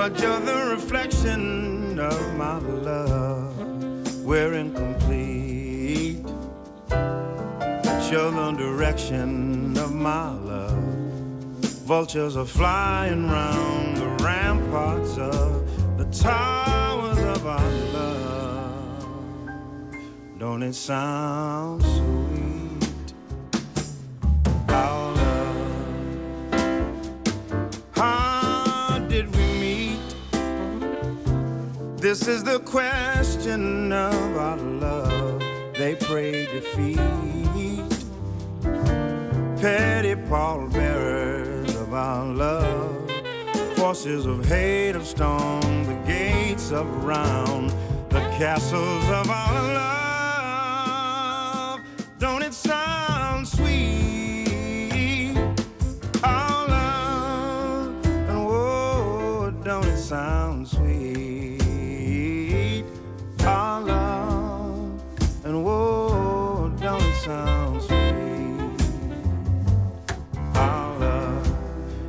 When I say?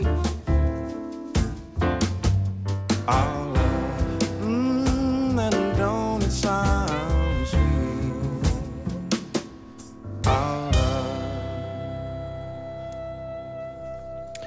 Gregory Porter, Our Love. Hij uh, won een Grammy voor zijn uh, derde album Liquid Spirits. En hij treedt dus uh, op op het Lowlands Festival komend weekende.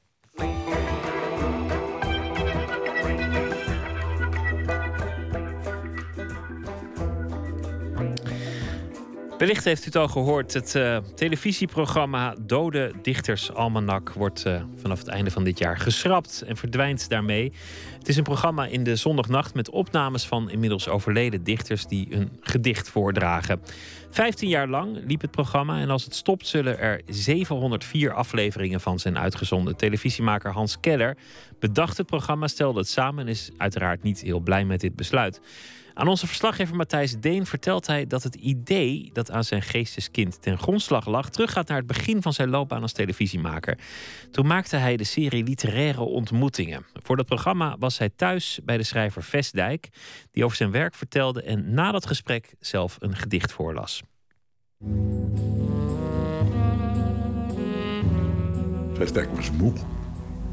Dat uh, gesprek had. had uh ongeveer anderhalf uur geduurd, die opname. Hij was het absoluut niet gewend. Hij was nerveus voor dat gesprek. Tijdens het gesprek zag ik die nervositeit verdwijnen. Maar die keerde weer terug toen hem gevraagd werd, dat van tevoren afgesproken, om nu dat gedicht voor te lezen. Hij keek naar de tekst van zijn gedicht met een gezicht alsof hij dat nu voor het eerst zag. Hij begon te lezen. Ik had de cameraman gezegd, film hem in close-up. Hij stak een sigaartje op vlak voor hij uh, ging lezen. En daar ging hij. De uiterste seconde voor Ans. Doodgaan is de kunst om levende beelden met evenveel gelatenheid te dulden... als toen zij nog hun rol in het leven speelden. Ons soms verveelden en nogthans vervulden. Hier stond ons huis. Hier liep zij met de honden. Hier maakte zij de bruine halsband los. En jongen, jongen, opeens merkte ik wat een prachtig gedicht het was. En, uh, en wat het grote verschil was tussen zelf een gedicht lezen... en het de dichter horen en zien lezen. Maar dat dit alles was. Een werkelijkheid die duren zal tot de uiterste seconde. Dit is de ware wedloop met de tijd. De halsband los en zij met de twee honden.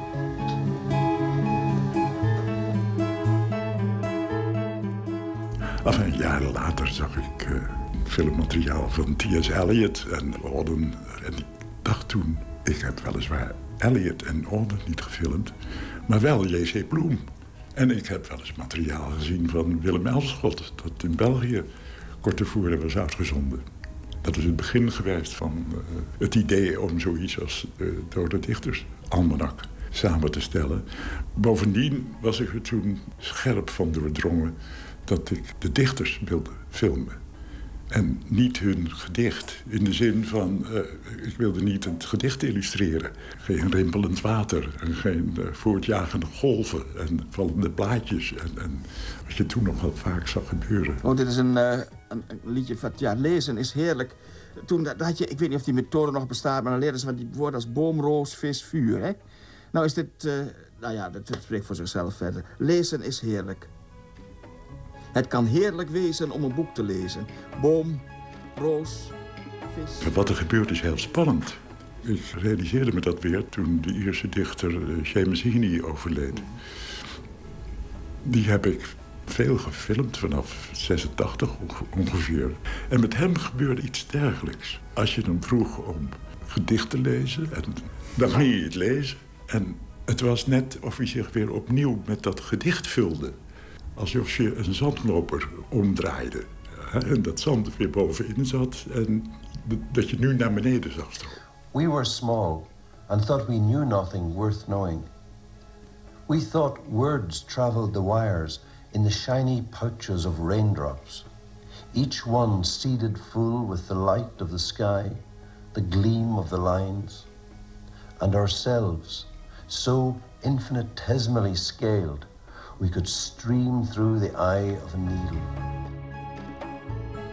Dus het is eigenlijk een soort leven inblazen, een soort opnieuw scheppen van dat gedicht. Ja, ik probeer dat dat te ontwijken, want dat begint, om het zo te zeggen, maar jij zegt het, God zeg, ik hoef het dus niet te zeggen. Het, het, Omdat het een cliché is? Het is nee, nee, nee, nee het, het, klinkt me te geheimzinnig. En op het moment dat je het meemaakt en ziet, is het helemaal niet geheimzinnig. Het, het is, ja, verdomd. Nou ja, het feit dat het allemaal om dode dichters gaat... dat laat, geeft dat een extra lading waarbij dat opnieuw scheppen... en opnieuw leven inblazen natuurlijk extra hard aankomt. Want je weet, hij is dood. Dat of zij is dood. Ja, dat is waar, ja. Gaat het dan nog over het gedicht? Of zijn er dan eigenlijk zoveel dingen, zoveel subteksten... die eigenlijk de aandacht afleiden van het gedicht... en gaat het eigenlijk over iets anders? Nee, het gaat niet over iets anders. Want de dichter blijft de dichter die hij is. Maar er vallen jou, als, als luisterend naar die poëzie... en kijkend naar die poëzie... opeens dingen op die je nooit zou weten en zien... als je hem op dat moment niet in zijn tijd zag. Jij kijkend vanuit jouw tijd. Want ik zag ook wel eens veel later... Uh, bij dichters die ik zelf filmde... dat, uh, dat de attitude veranderde. Op het moment dat ze gingen lezen... voor de camera en voor de microfoon... Uh, veranderde iets in ze. Zoals je het ook wel bij acteurs ziet... met wie je net nog even op de gang hebt staan praten... en vijf minuten later zie je ze op het toneel in hun rol vallen. En de toonhoogte is anders. De, de, ook bij moderne teksten, moderne acteurs... is er toch iets wat, wat je laat weten... dit is niet alleen voor jou bestemd. Vrede. Komt een duif van 100 pond. Een olijfboom in zijn klauwen. Bij mijn oren met zijn mond vol van koren zoete vrouwen. Vol van kerende verhalen hoe de oorlog is verdwenen en herhaalt ze honderd malen. Alle malen zal ik wenen. Sinds ik mij zo onverwacht in een taxi had gestort... dat ik in de nacht een gat naliet dat steeds groter wordt. Sinds mijn zacht betraande schat droog te blozen van ellende staan bleef. Zo bleef stilstaan dat keisteen ketste in haar lende. Ben ik te dicht en droog van vel om uit te zweten in gebeden. Kreukels knijpend evenwel en vrede knarsend. Vrede, vrede. Liefde is een stinkend wonder van onthoofde wulpsigheden als ik voort moet leven zonder vrede, godverdomme, vrede.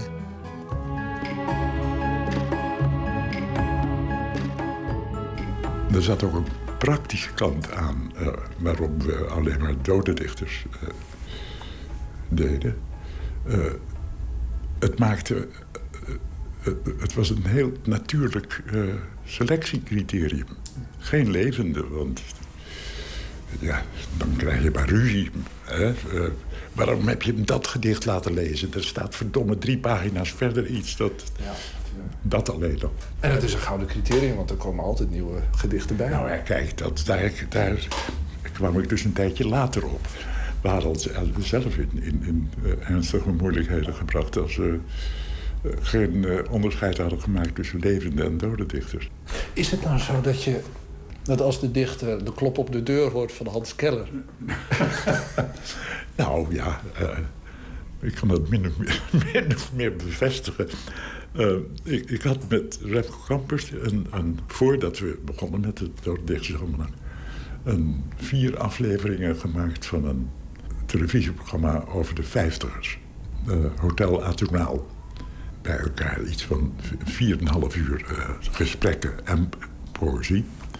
Met de nog in leven zijnde vijftigers. Waaronder Lucebert. Lucebert was al ernstig ziek toen we die opname maakten. Maar hij uh, had het uh, eenmaal aan Remco toegezegd. En hij wilde er absoluut gevolg aan geven.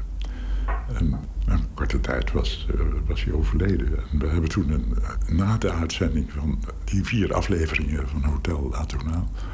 een apart necrologieprogramma gemaakt met alleen opnamen van Lucebert. Er waren een paar gedichten blijven liggen die niet in zijn aflevering uh, waren opgenomen. Ook en ik hadden alle twee iets. Nou, die tijd komt nog wel en waarschijnlijk sneller dan we willen. En ik weet nog toen... Uh, ik bij de grafenis van uh, was. Daar zei Gerrit Kouwenaar, die, die, die ook in die serie Hotel Atonaal had gezeten. Voor de grap, lijkenpikker. Die had net die uitzending gezien. Uh, heb je voor mij ook alles klaar liggen? Zei nou, om eerlijk te zijn, natuurlijk kan hij nee zeggen, want dat is inderdaad waar. Hij schoot in de lach en uh, trok Bert Schierbeek erbij. En zei Bert, weet je wat hij uh, heeft gedaan? Ja, tuurlijk. tuurlijk weet ik dat. Er ligt voor mij ook van alles klaar daar. Die ging ook heel snel dood. En dat, die had gelijk. Dat, uh... Neem aan dat je van Kampert ook nog prachtige dingen hebt liggen. Ja, ik heb met uh, Kampert daarna nog een aantal uh, televisieprogramma's gemaakt... waar hij ook gedichten voor geschreven heeft. En, en, het alfabet van Remco Kampert is, een, is een, een, film over hem en over zijn poëzie. Dus die kan, als het zover is, meteen weer worden uitgezonden. Dat, met een andere titel.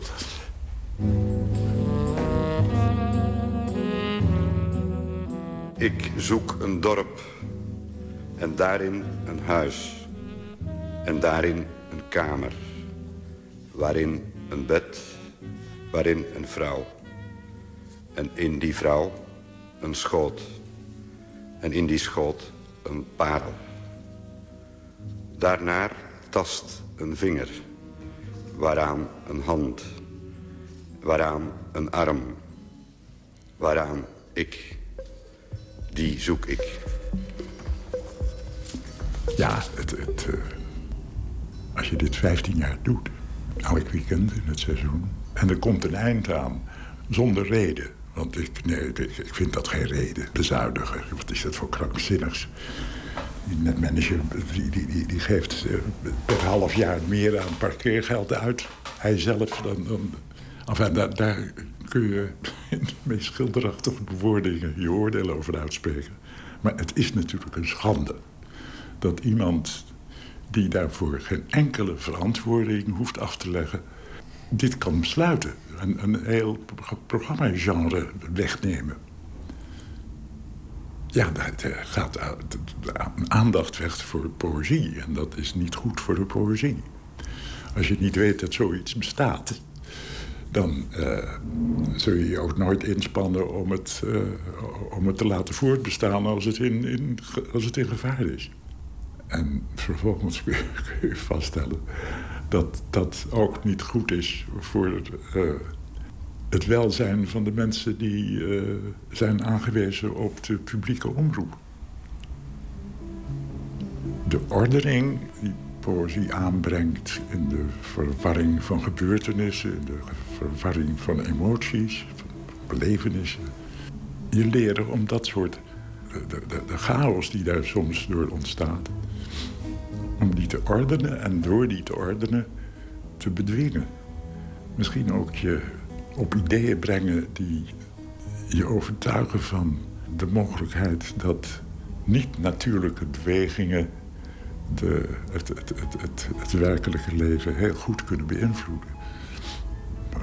Radko Kampert me weer te noemen. Ik geloof dat het zijn allereerste gepubliceerde gedicht is. Waarin hij duidelijk maakt wat hij van poëzie wil. Nou, dat, dat eerste gedicht, dat heet Credo. En daarin probeert hij voor zichzelf de poëzie te definiëren. En het komt erop neer dat hij uh, poëzie vergelijkt met een uh, rivier die vanuit de zee tegen de bergen opstroomt. En dat hij van poëzie verlangt dat poëzie de loop van die rivier in kaart brengt.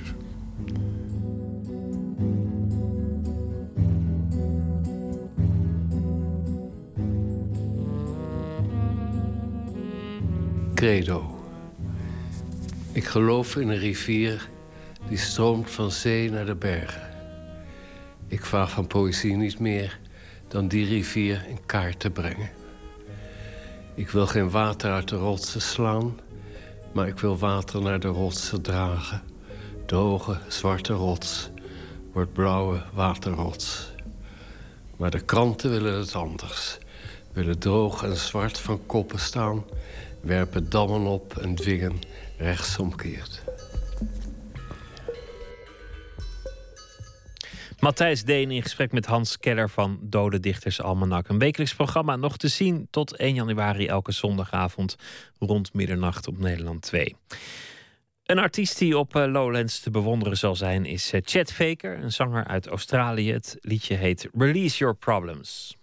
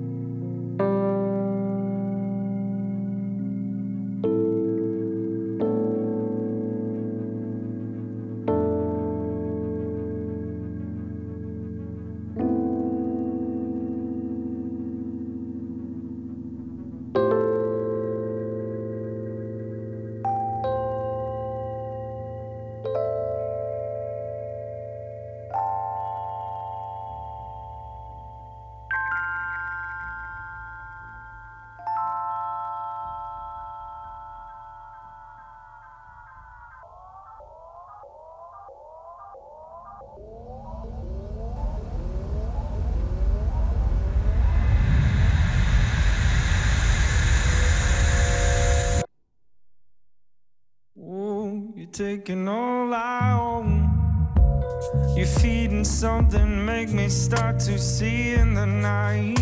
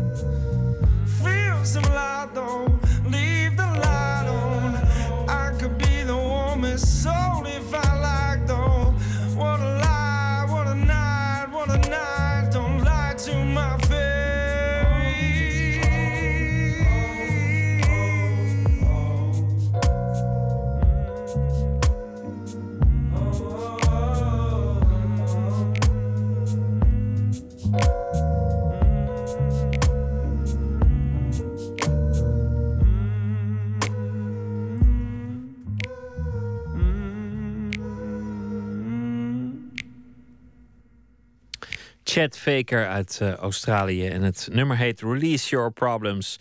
Komend weekend dus eh, te zien in eh, Biddinghuizen op het Lowlands Festival. Nooit meer slapen. Wouter van Kleef is correspondent in Tokio, zit momenteel voor zijn werk in Maleisië. Vorige week was hij in Jakarta. En daar gaan we het over hebben, want al daar bezocht hij de Galeria Fatahilya. Goedenacht, eh Wouter. Of, eh, Ja, goedemorgen. goedemorgen. Ja. Goedemorgen alweer voor jou. Vertel eens Ja. over die eh, Galeria Fatahilya in eh, Jakarta. Wat, wat is het voor, eh, voor pand? Nou, inderdaad, je zegt, het is wel een aardig pand. Het is het oude postkantoor van de Nederlandse koloniale tijd, zeg maar. Dus het is een heel mooi oud wit pand met echte oud-Hollandse decoraties. En daar hebben ze dus een, een galerieruimte in, een soort expositieruimte in gevestigd. Dus in het hart van, van de oude stad een galerieruimte met redelijk hedendaags werk. Ja, absoluut. Nee, eh, er stond volop hedendaags werk inderdaad. En dat is wel grappig in zo'n oud koloniaal pand. En wat er dus nu eh, afgelopen week was te zien... was een expositie met werken van hele verschillende kunstenaars. eh, hele verschillende dingen maakten ook. Die zich bezighouden met het thema vervreemding... tijdens de razende ontwikkeling van Jakarta... die nu natuurlijk nog steeds keihard doorgaat. Ehm, mensen zijn ondergeschikt aan de waanzinnige betonnen bouwlust. Geschiedenis verdwijnt uit het, uit het stadsbeeld, zeg maar. En ja, de vraag is een beetje hoe mensen zich nu nog verhouden tot een omgeving die vooral bestaat uit chaos, smerigheid, stof, beton. Dat was een beetje de vraag die werd nou ja, onderzocht door die kunstenaars. Dus de razend eh, snel veranderende omgeving eh, van, van Jakarta. Want Barack Obama zei het nog dit weekend. eh, sommige plekken in de wereld gaat het sneller dan je denkt. En toen noemde die ook Jakarta. Enorme wil voor wordt gebouwd, alles is in bloei, er, er is haast. Maar voor mensen betekent dat vervreemding. Hoe ziet dat eruit? Ja, ja ehm, nou ja, dat, eh, wat, wat Obama blijkbaar ook zei, dat traditionele Indonesië, dat wij nog wel eens voorgeschoteld kregen op school en zo en in de reisgidsen, dat, dat, dat bestaat zeker in de steden steeds minder. Ehm, alles, alles gaat in een moordend tempo in een stad als Jakarta, vooral het bouwen. Hè. Ehm, mensen, inwoners staan op het tweede plan. Ik zag bijvoorbeeld een foto-installatie daarvan, eh, die was erg mooi gemaakt met flitsende lichten. En, en die gaf de chaos van die stad heel erg goed weer, maar vanuit de rust van een taxi. En dat gaf een heel bijzonder contrast voor de bezoekers. Ehm, waarbij dus, dus, dus ja, dat, dat met rust en chaos heel erg werd gespeeld. De chaos buiten, de rust in de taxi, de flitsende lichten op dat beeld. Dat was heel erg mooi om te zien. Een andere hele gave installatie vond ik zelf een grote constructie van aan elkaar gelaste brommeruitlaten. Iedereen in Jakarta heeft een brommer, misschien wel twee. En dat geeft een enorme lawaai, een enorm gedoe in die hele stad. En, en dus naast die installatie van die aan elkaar gelaste brommer eh, ehm, ehm, ja, er stond een enorme box dat geluid van die optrekkende brommers bij zo'n verkeerslicht eh, eh, door af te spelen. Dat, dat was enorm confronterend als je in zo'n rustige expositieruimte staat... om dan opeens in een kamer te komen waar je als mens bijna ja, weg wilt vluchten. Dat was een beetje eigenlijk de, eerste reactie. En zo probeerde die kunstenaar dus op hele verschillende manieren duidelijk te maken hoe het individu in zo'n snel ontwikkelende stad ja, speelt in een massa is. Eh, irrelevant, misschien zelfs voor ja, in die omgeving. Wat, wat De is de is- achter die tentoonstelling? Wat, wat, hopen ze te bereiken? Nou ja, de ondergeschikte rol van de mens en ook van de geschiedenis in het moderne Indonesië eh, weer te geven, en aan de kaak te stellen. Eigenlijk is het een beetje een aanklacht ook tegen, tegen het feit dat, dat dus de mens daar op het tweede plan staat. Ehm, ge- geschiedenis is totaal ondergeschikt in Indonesië. Materiële historie zie je eigenlijk amper, hè, zoals het oude geschieden- geschiedkundige historische eh, gebouwen, dat zie je eigenlijk bijna niet, behalve dan nog in het hart van die stad in Jakarta. Veel van verdwijnt in hoog tempo door de bouwlust. Ehm, een hele gave videoanimatie vond ik van Tintin Wulia, een, eh, een Indonesische kunstenares. Zij liet in haar ehm, eh, animatie Everything is Okay die rappe ontwikkeling van Indonesië zien. ehm, waarin de mens haast plat gebombardeerd door de voortdurende ja, betonnen waanlust, eh, wa- waanzin om te bouwen. Is dat ook waarom het, wordt- waarom het verleden Ja? wordt ondergeschoven? Omdat mensen zo druk zijn met bouwen en vooruitkijken...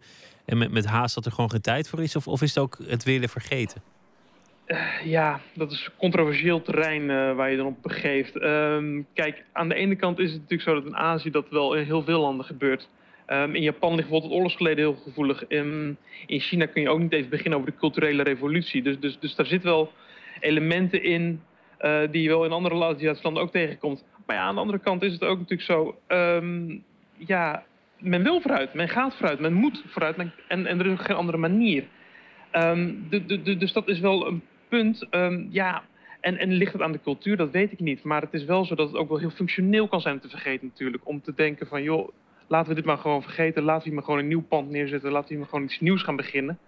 En laten we die geschiedenis maar achter ons laten. Ehm, en dat gebeurt in veel Aziatische landen. Was het, eh, was het interessant? Vond, je het gaaf? Ja, ik vond het ontzettend leuk. Ehm, ik moet zeggen dat ik eh, normaal niet zo ben van de expositieruimtes. Ik vind het vaak een beetje saai.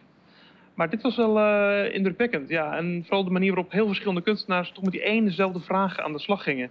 Wat moeten we nou met geschiedenis en de mens... in een omgeving die zo snel verandert... en waar zo weinig aandacht is voor Over vervreemding in de Galleria Fatahilya. Intussen hoorde ik op de achtergrond ook druk verkeer. Dat is natuurlijk in heel veel Aziatische gebieden. Maar dit was het, eh, het roerige Maleisië, waar ook gewoon lekker getoeterd wordt. En, eh, Waar ook gewoon lekker getoeterd wordt om zeven uur 's morgens. Ja, Oh ja, het is de ochtendspits natuurlijk. Het, eh, nou, leven gaat beginnen. ja. ja, inderdaad. De stad komt tot leven. Wouter van Kleef, dankjewel en veel plezier deze dag in Maleisië. Hartelijk dank. We gaan weer eh, luisteren naar eh, muziek van eh, iemand die op Lowlands te zien zal zijn komend weekende. Het gaat om de New Yorkse band Lucius. Die hebben een album uit Wild Woman. We gaan luisteren naar een van de betere nummers op die plaat, Go Home.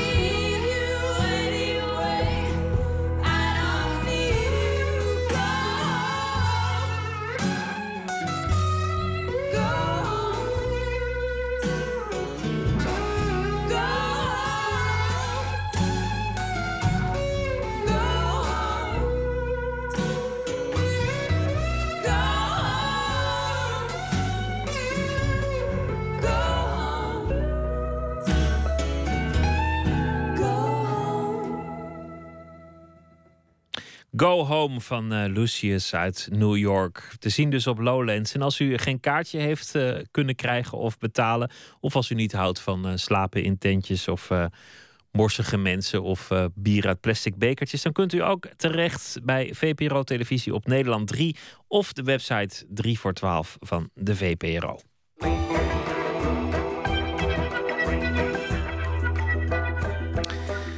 Deze maand herhalen we wonderlijke verhalen die eerder werden uitgezonden in het radioprogramma Plots. Het thema was vriendschap in blik over onbeperkt houdbare vriendschappen. Vijf vrienden moeten tot een nieuwe verhouding komen als het leven van één van hen, Menno, plotseling is veranderd. Dat Menno de verandering zelf grotendeels negeert, maakt het er niet eenvoudiger op. Luister naar Menno, een verhaal opgetekend door Noor Spanjer. Ja. Bram, Vincent, Reinoud, Jasper en Menno zitten samen in een café. Ze troeven elkaar af met scherpe grappen en botte opmerkingen. Net als in hun studententijd, toen ze elkaar ontmoetten. Nu bijna tien jaar geleden. Ontkennen is het devies toch? Heb ik van jou geleerd. Ja, dat is wel waar. ja. Ik ben blij dat je nog wat aanleert. En iedereen is erover eens. De meest bij de handen is Menno. Nou, ik kan nog heel goed herinneren wanneer ik Menno heb leren kennen. En eh, toen hoorde ik dat hij bij mij in het team kwam. En ik moet eerlijk zeggen dat ik dacht van, oh mijn god, niet Menno Schaap. Hij heeft heel vaak eh, dat hij ook ja, gewoon een beetje op zo'n omgeving... eh, nou, dat hij daar niet echt rekening mee houdt. Dat hij daar gewoon heel schaamteloos allemaal fratsen kan uithalen. Ik weet nog, op een gegeven moment stonden we in een kroeg. Er stonden een paar van die ontzettende hele brede motorkerels, weet je wel. Beetje opgepompt allemaal. Eh, strak zwarte broeken en zo, maar echt grote kerels. En daar komt dus Menno aanzetten met zijn blonde gouden haren. En op de ene hand heeft hij zo'n muppet die je bij de Albert Heijn eh, op een gegeven moment in actie hadden. Zo'n grote muppet. En eh, nou, wat doet hij? Ik sta met die kerel voor een van de reden te praten. En dan zit Menno met dat die muppet zo de hele tijd achter de hoofd van die kerel te bewegen. Ja, ik schiet natuurlijk in de lach. En op een gegeven moment draait die man heel snel om. En die ziet die muppet. En wat doet Menno? Ja, die pakt hem gewoon vol op zijn bek met die muppet. Dus dan denk je bij jezelf, oh, dit gaat helemaal verkeerd. Die gaat zo door het raam heen. Maar niks is minder waar. Op een gegeven moment weet hij eh, met, zijn, eh, ja, met zijn uitdrukkingen en manier van dingen zeggen... het toch een mooie wending te geven. Terwijl wij allemaal ons hart va- vasthouden... en inmiddels al met één been uit de kroeg staan... want we denken, dit hoef ik niet mee te maken. En ik denk ook dat, dat dat ook wel de eigenschappen zijn die hem nu zo geholpen hebben. Want, want als hij niet zo'n doorzetter was, of eigenwijs was, dan, dan was, hij, was hij misschien bij de pakken neer gaan zitten. De jongens kennen elkaar bijna een jaar als het leven van Menno drastisch verandert. Dit is Menno. Dat was in januari 2005 in Egypte. Op eh, vakantie met eh de dispuut, een Lustrum-reis. Dat ik op het strand lag, een boek aan het lezen was... en eigenlijk mijn linkeroog dichtkneep tegen ja, de zon... om de letters beter te kunnen, om het boek te beter te kunnen lezen. En dat ik dus ja, de letters niet goed kon lezen meer. Terug in Nederland gaat Menno naar een opticien. Die vertrouwt het niet en stuurt hem door naar een specialist. Die hem weer doorstuurt naar het academisch ziekenhuis. Er gaan maanden overheen en Menno ziet steeds minder. Ja, ik volgde nog vakken. En eh, ik heb toen een aantal boeken heb ik, eh, een groot lettertype laten omzetten. Alleen op het moment dat die het grote lettertype boeken kwamen... eh, waren die eigenlijk alweer te klein. lettertype. Ik kon het niet meer lezen. En eh, dat ik inderdaad, eh, in, nee, op een, ik geloof op een woensdagavond was dat, dat we inderdaad in de kroeg zaten en aan de ene kant van de kroeg en toen bedacht van ja, oké, nu zie ik de bar nog, maar die zie ik straks niet meer.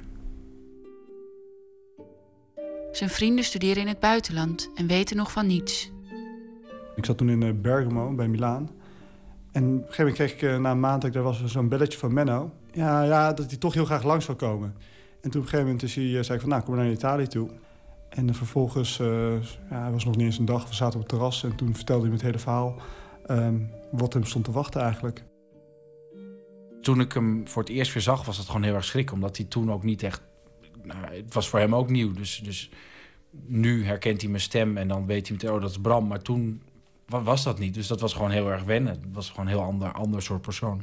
Ik kan niet meer lezen. Ik kan niet meer, ja, ik herken mensen niet meer. Ik kan niet meer auto rijden. Ik kan eigenlijk heel veel praktische zaken. Ik kan niet in mijn eentje shoppen. Ik kan wel, maar dan weet ik niet wat ik koop. Ik ben niet helemaal blind. Ik ben praktisch blind. Wat ik me het meeste zorgen voor maakte was op een gegeven moment... toen hij, eh, toen hij slechtziend werd, was nou, dat, eh, dat hij nog ooit iemand leuks gaat tegenkomen. Nou, ik denk dat hij nog nooit zoveel vrouwen heeft versleten sinds die tijd. Hij heeft meer echt... Dat is wat... Ja, dat is echt een wereld van verschil. Het was een eh, single, kansloos kereltje. En daarna is hij een soort halve Casanova geworden... en die alles ja, voor elkaar kreeg.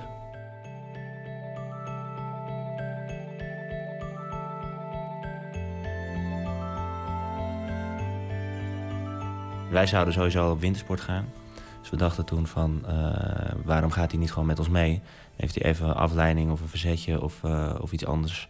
En eh, we zien wel hoe het gaat. Toen zijn we op internet gaan kijken. Toen kwamen we een eh, instantie tegen voor eh, skiën voor eh, blinden of eh, slechtzienden. Een hoop mensen ver- verklaren ons voor gek. En hoe gaat dat, een blinde op skis? Dat is niet het eerste waar je aan denkt. Dus het was gewoon kijken wat er kan en dan doen we het. Of, of we doen het gewoon en dan kijken of het kan. Misschien meer in die volgorde. Hij loopt al hoor. Dag meneer, we gaan even een lekkere afdaling doen. Dit is eh Monsieur Blind. Dus gewoon, ja, zeg maar gewoon koning Menno hoor. Koning Benno. Zakstront. Kom maar mee, hè. Hij, hij zakt stront, anders ga ik gewoon even skiën. Hij moest een eh, geel fluoriserend eh, jasje aan... waar met drie stippen op stond. Eh, en daaronder blind. Ehm, nou, die drie stippen, daar zou iedereen van moeten weten... dat dat dan voor slechtzienden is. Maar nog nooit had iemand zo'n jasje met drie stippen gezien. Dus het was echt een, een verkeersteken waar nog nooit iemand van gehoord had. Dan zorg je dat je iets voor hem skiet. En af en toe roep je bijvoorbeeld go als je een bocht maakt. En dan probeer je een bepaald ritme aan te houden. Je zegt go, go, go. Elke keer als je een bocht maakt. En als je moet stoppen, dan roep je stop.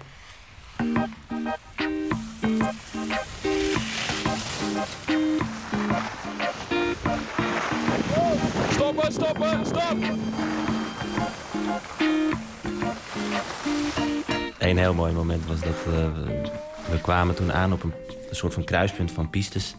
En eh, het was een vrij smal pad daar naartoe.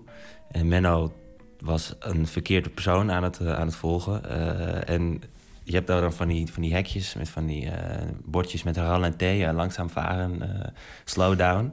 En Menno die, die ging niet langzamer. Die ging keihard op dat kruispunt af. En die, die trok twee van die poortjes met zich mee. En die, die viel te midden op, die, op dat kruispunt van die piste. kwam hij eigenlijk tot stilstand en viel met al die, al die netten en, en doeken om zich heen. Waarop stonden langzaam varen en, en slow down. Dus dat was wel, wel echt keihard om gelachen.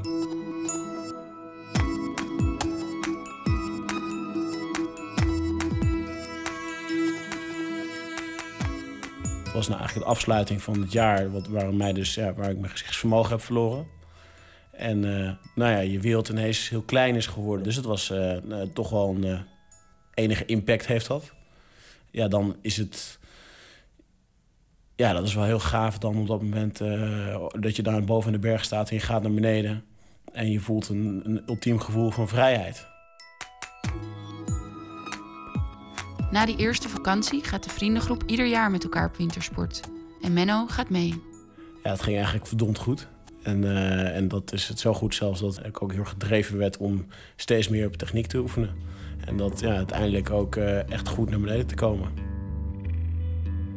Maar hoe beter Menno gaat skiën, hoe moeilijker het wordt voor zijn vrienden. Hij is gewoon met dat betere skiën ook misschien iets arroganter geworden. En ja, dat, dat maakt het af en toe niet altijd makkelijk om iemand te begeleiden. Want hij begon wat meer eigen wil te krijgen. Dan wou hij met bepaalde mensen voorskiën, omdat hij dan beter konden skiën. Of hij wou ehm, op bepaalde manieren skiën, of bepaalde ritmes, of weet ik wat. Ja, ik vind zelf ook dat ik goed kan skiën nu. En dat ik minder tot last ben voor mijn voorskier. Ehm, want we gaan hard naar beneden. En ja, alleen voor een aantal is dat dan niet hard genoeg. Je merkt ook wel dat iedereen kreeg een baan, ging werken. Eh, je hebt niet zoveel vrije dagen meer. Dat iedereen ook zoiets had van, ja, het is ook mijn vakantie. Eh, alleen maar begeleiden en alleen maar daar die verantwoordelijkheid nemen. Dat is ook niet, niet, niet het beste. En dat moesten we altijd denken van ja, hoe gaan we dat dan verdelen? Dus we hadden dit jaar hadden we het heel goed aangepakt. Dachten we in ieder geval. Om eh, te zorgen dat Menno het deel les nam. En dat de rest van de tijd dat wij wel met hem zouden gaan skiën. Alleen uh, Menno had dat zelf een beetje anders ingezien. Ik had er gewoon een heel naar gevoel over.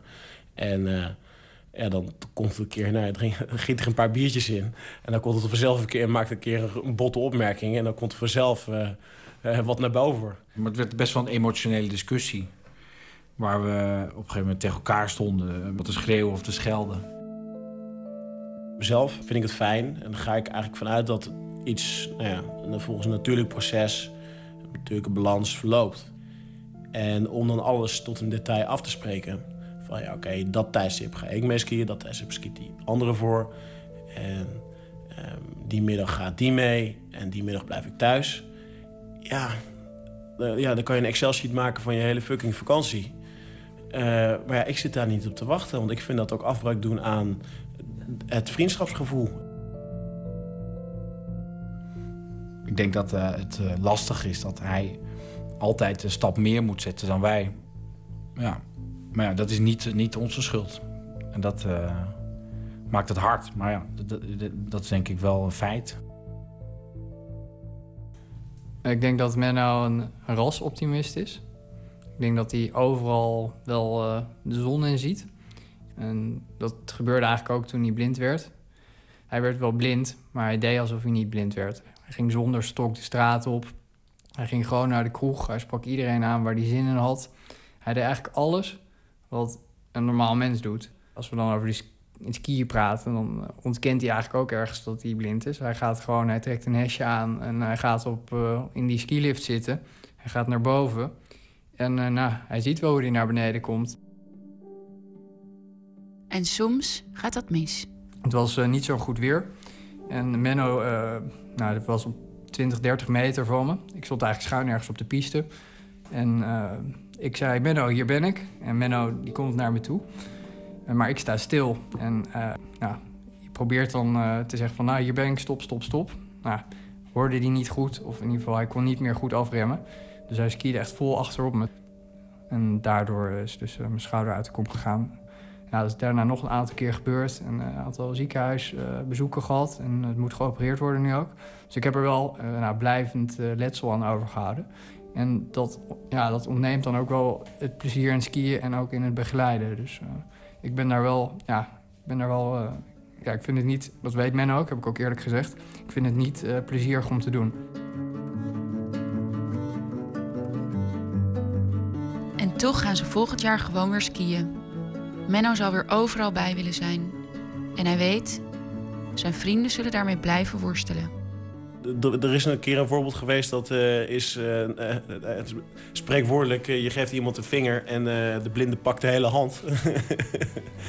en dat is inderdaad wel dat ik in mijn enthousiasme heel erg ver ga. En dat we, nou ja, de helft van de groep is moe en die gaat naar huis. En nog twee gasten die zeggen van ja, weet je wat, ik wil nog even doorskiën. Ehm, en ik dan heel vrolijk zeg van ja, prima, ik ga mee. Ja, en geen rekening houden met dat zij misschien eventjes met z'n tweeën nog kaart willen rachen. En eh, dan zegt ze, ja, we gaan dan niet. En dan zeg ik, nou oké, dan ga ik ook niet. Dus ja, we gaan toch. Ja, en dan krijg je een leuke discussie. Maar als ik heel eerlijk ben... eh, en ik kijk naar, nou ja, voor pre-2005, echt voor 2005... eh, ja, dan had ik waarschijnlijk... eh, dan, dan, dan had ik behoord tot een groep enorme haantjes... die het liefst even zo snel mogelijk zo snel hard die berg afknalt. En ja, dan had ik ook misschien ook al afgevraagd van, eh, van ja, oké, ja, ik, heb, ik wel zin nu voor zelf skiën. Ik heb geen zin nu om voor te skiën.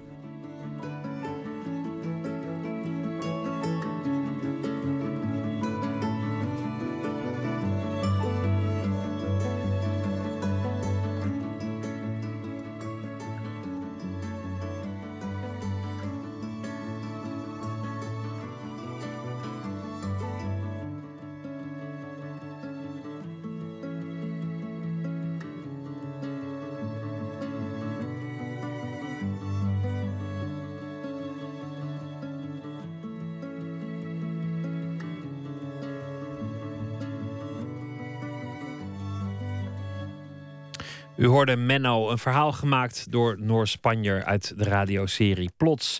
Eindredactie Jair Stijn en Katinka Beer. Meer van die verhalen over eeuwig houdbare vriendschappen en andere verhalen via de website vpro.nl slash plots. U hoorde het net al in het radionieuws. Het eh, bericht is eh, vandaag eh, naar buiten gekomen dat acteur Robin Williams is overleden. Hij is eh, doodgevonden in zijn huis in Californië. Hij was al een eh, tijd depressief en de politie meldde dat het erop lijkt dat de doodsoorzaak zelfmoord is. Heel veel eh, mooie rollen heeft hij gedaan. Mork en Mindy, Good Morning Vietnam, The Fisher King en Miss Doubtfire. Won ook talloze prijzen voor al zijn rollen. We draaien een klein fragment uit de film Miss Doubtfire, waarin hij laat zien hoeveel verschillende stemmen en typetjes hij in korte tijd ten gehore kan brengen. What do you mean you do voices? Well, I do voices. Yeah! We've come to this planet looking for intelligent life. Oops, we made a mistake. What happened to be in America? Don't ask for a green card. I want you in the worst way. Well, it's certainly a rough meeting, and it's not going very well for me, I'll tell you that. Hey, boss, give it a chance. She's going to loosen up any moment. Look at me right now, Moneypenny. I want to undo that bow and get to know you. I'm crazy to make a deal with you. Nancy and I are still looking for the other half of my head. Idiot! You're doing it. I'm sitting on a gold mine. Don't make me smack you, sweetheart. I'll do it. I do a great impression of a hot dog. Mr. Hillard, do you consider yourself humorous? I used to. There was a time when I found myself funny. But today, you have proven me wrong. Robin Williams, hij werd 64 jaar oud. Gaan luisteren naar Jet Rebel. I got it all figured out. Think I know what I'm talking about. Think I know what I'm dealing with. I can hardly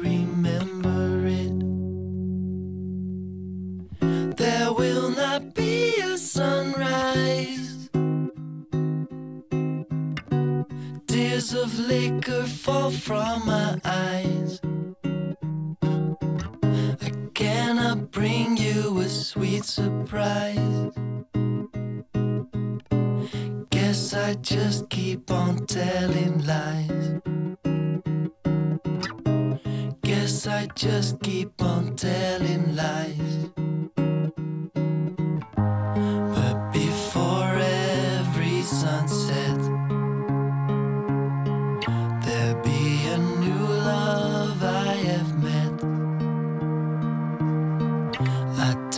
My friends I'm in love again.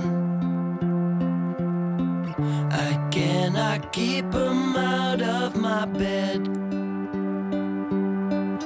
And every time I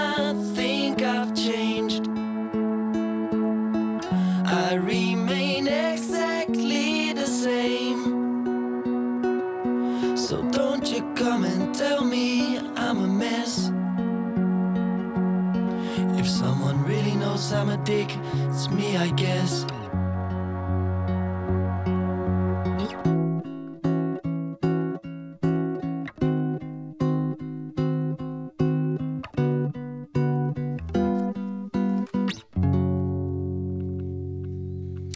Jet Rebel was dat. Ook weer een eh, band die gaat optreden op eh, Lowlands, als ik het eh, goed heb.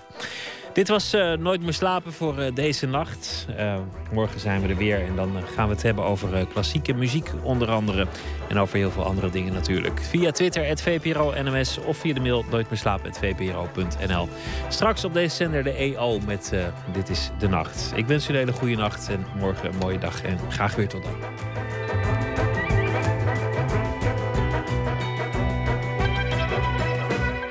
Op Radio 1, het nieuws van alle kanten.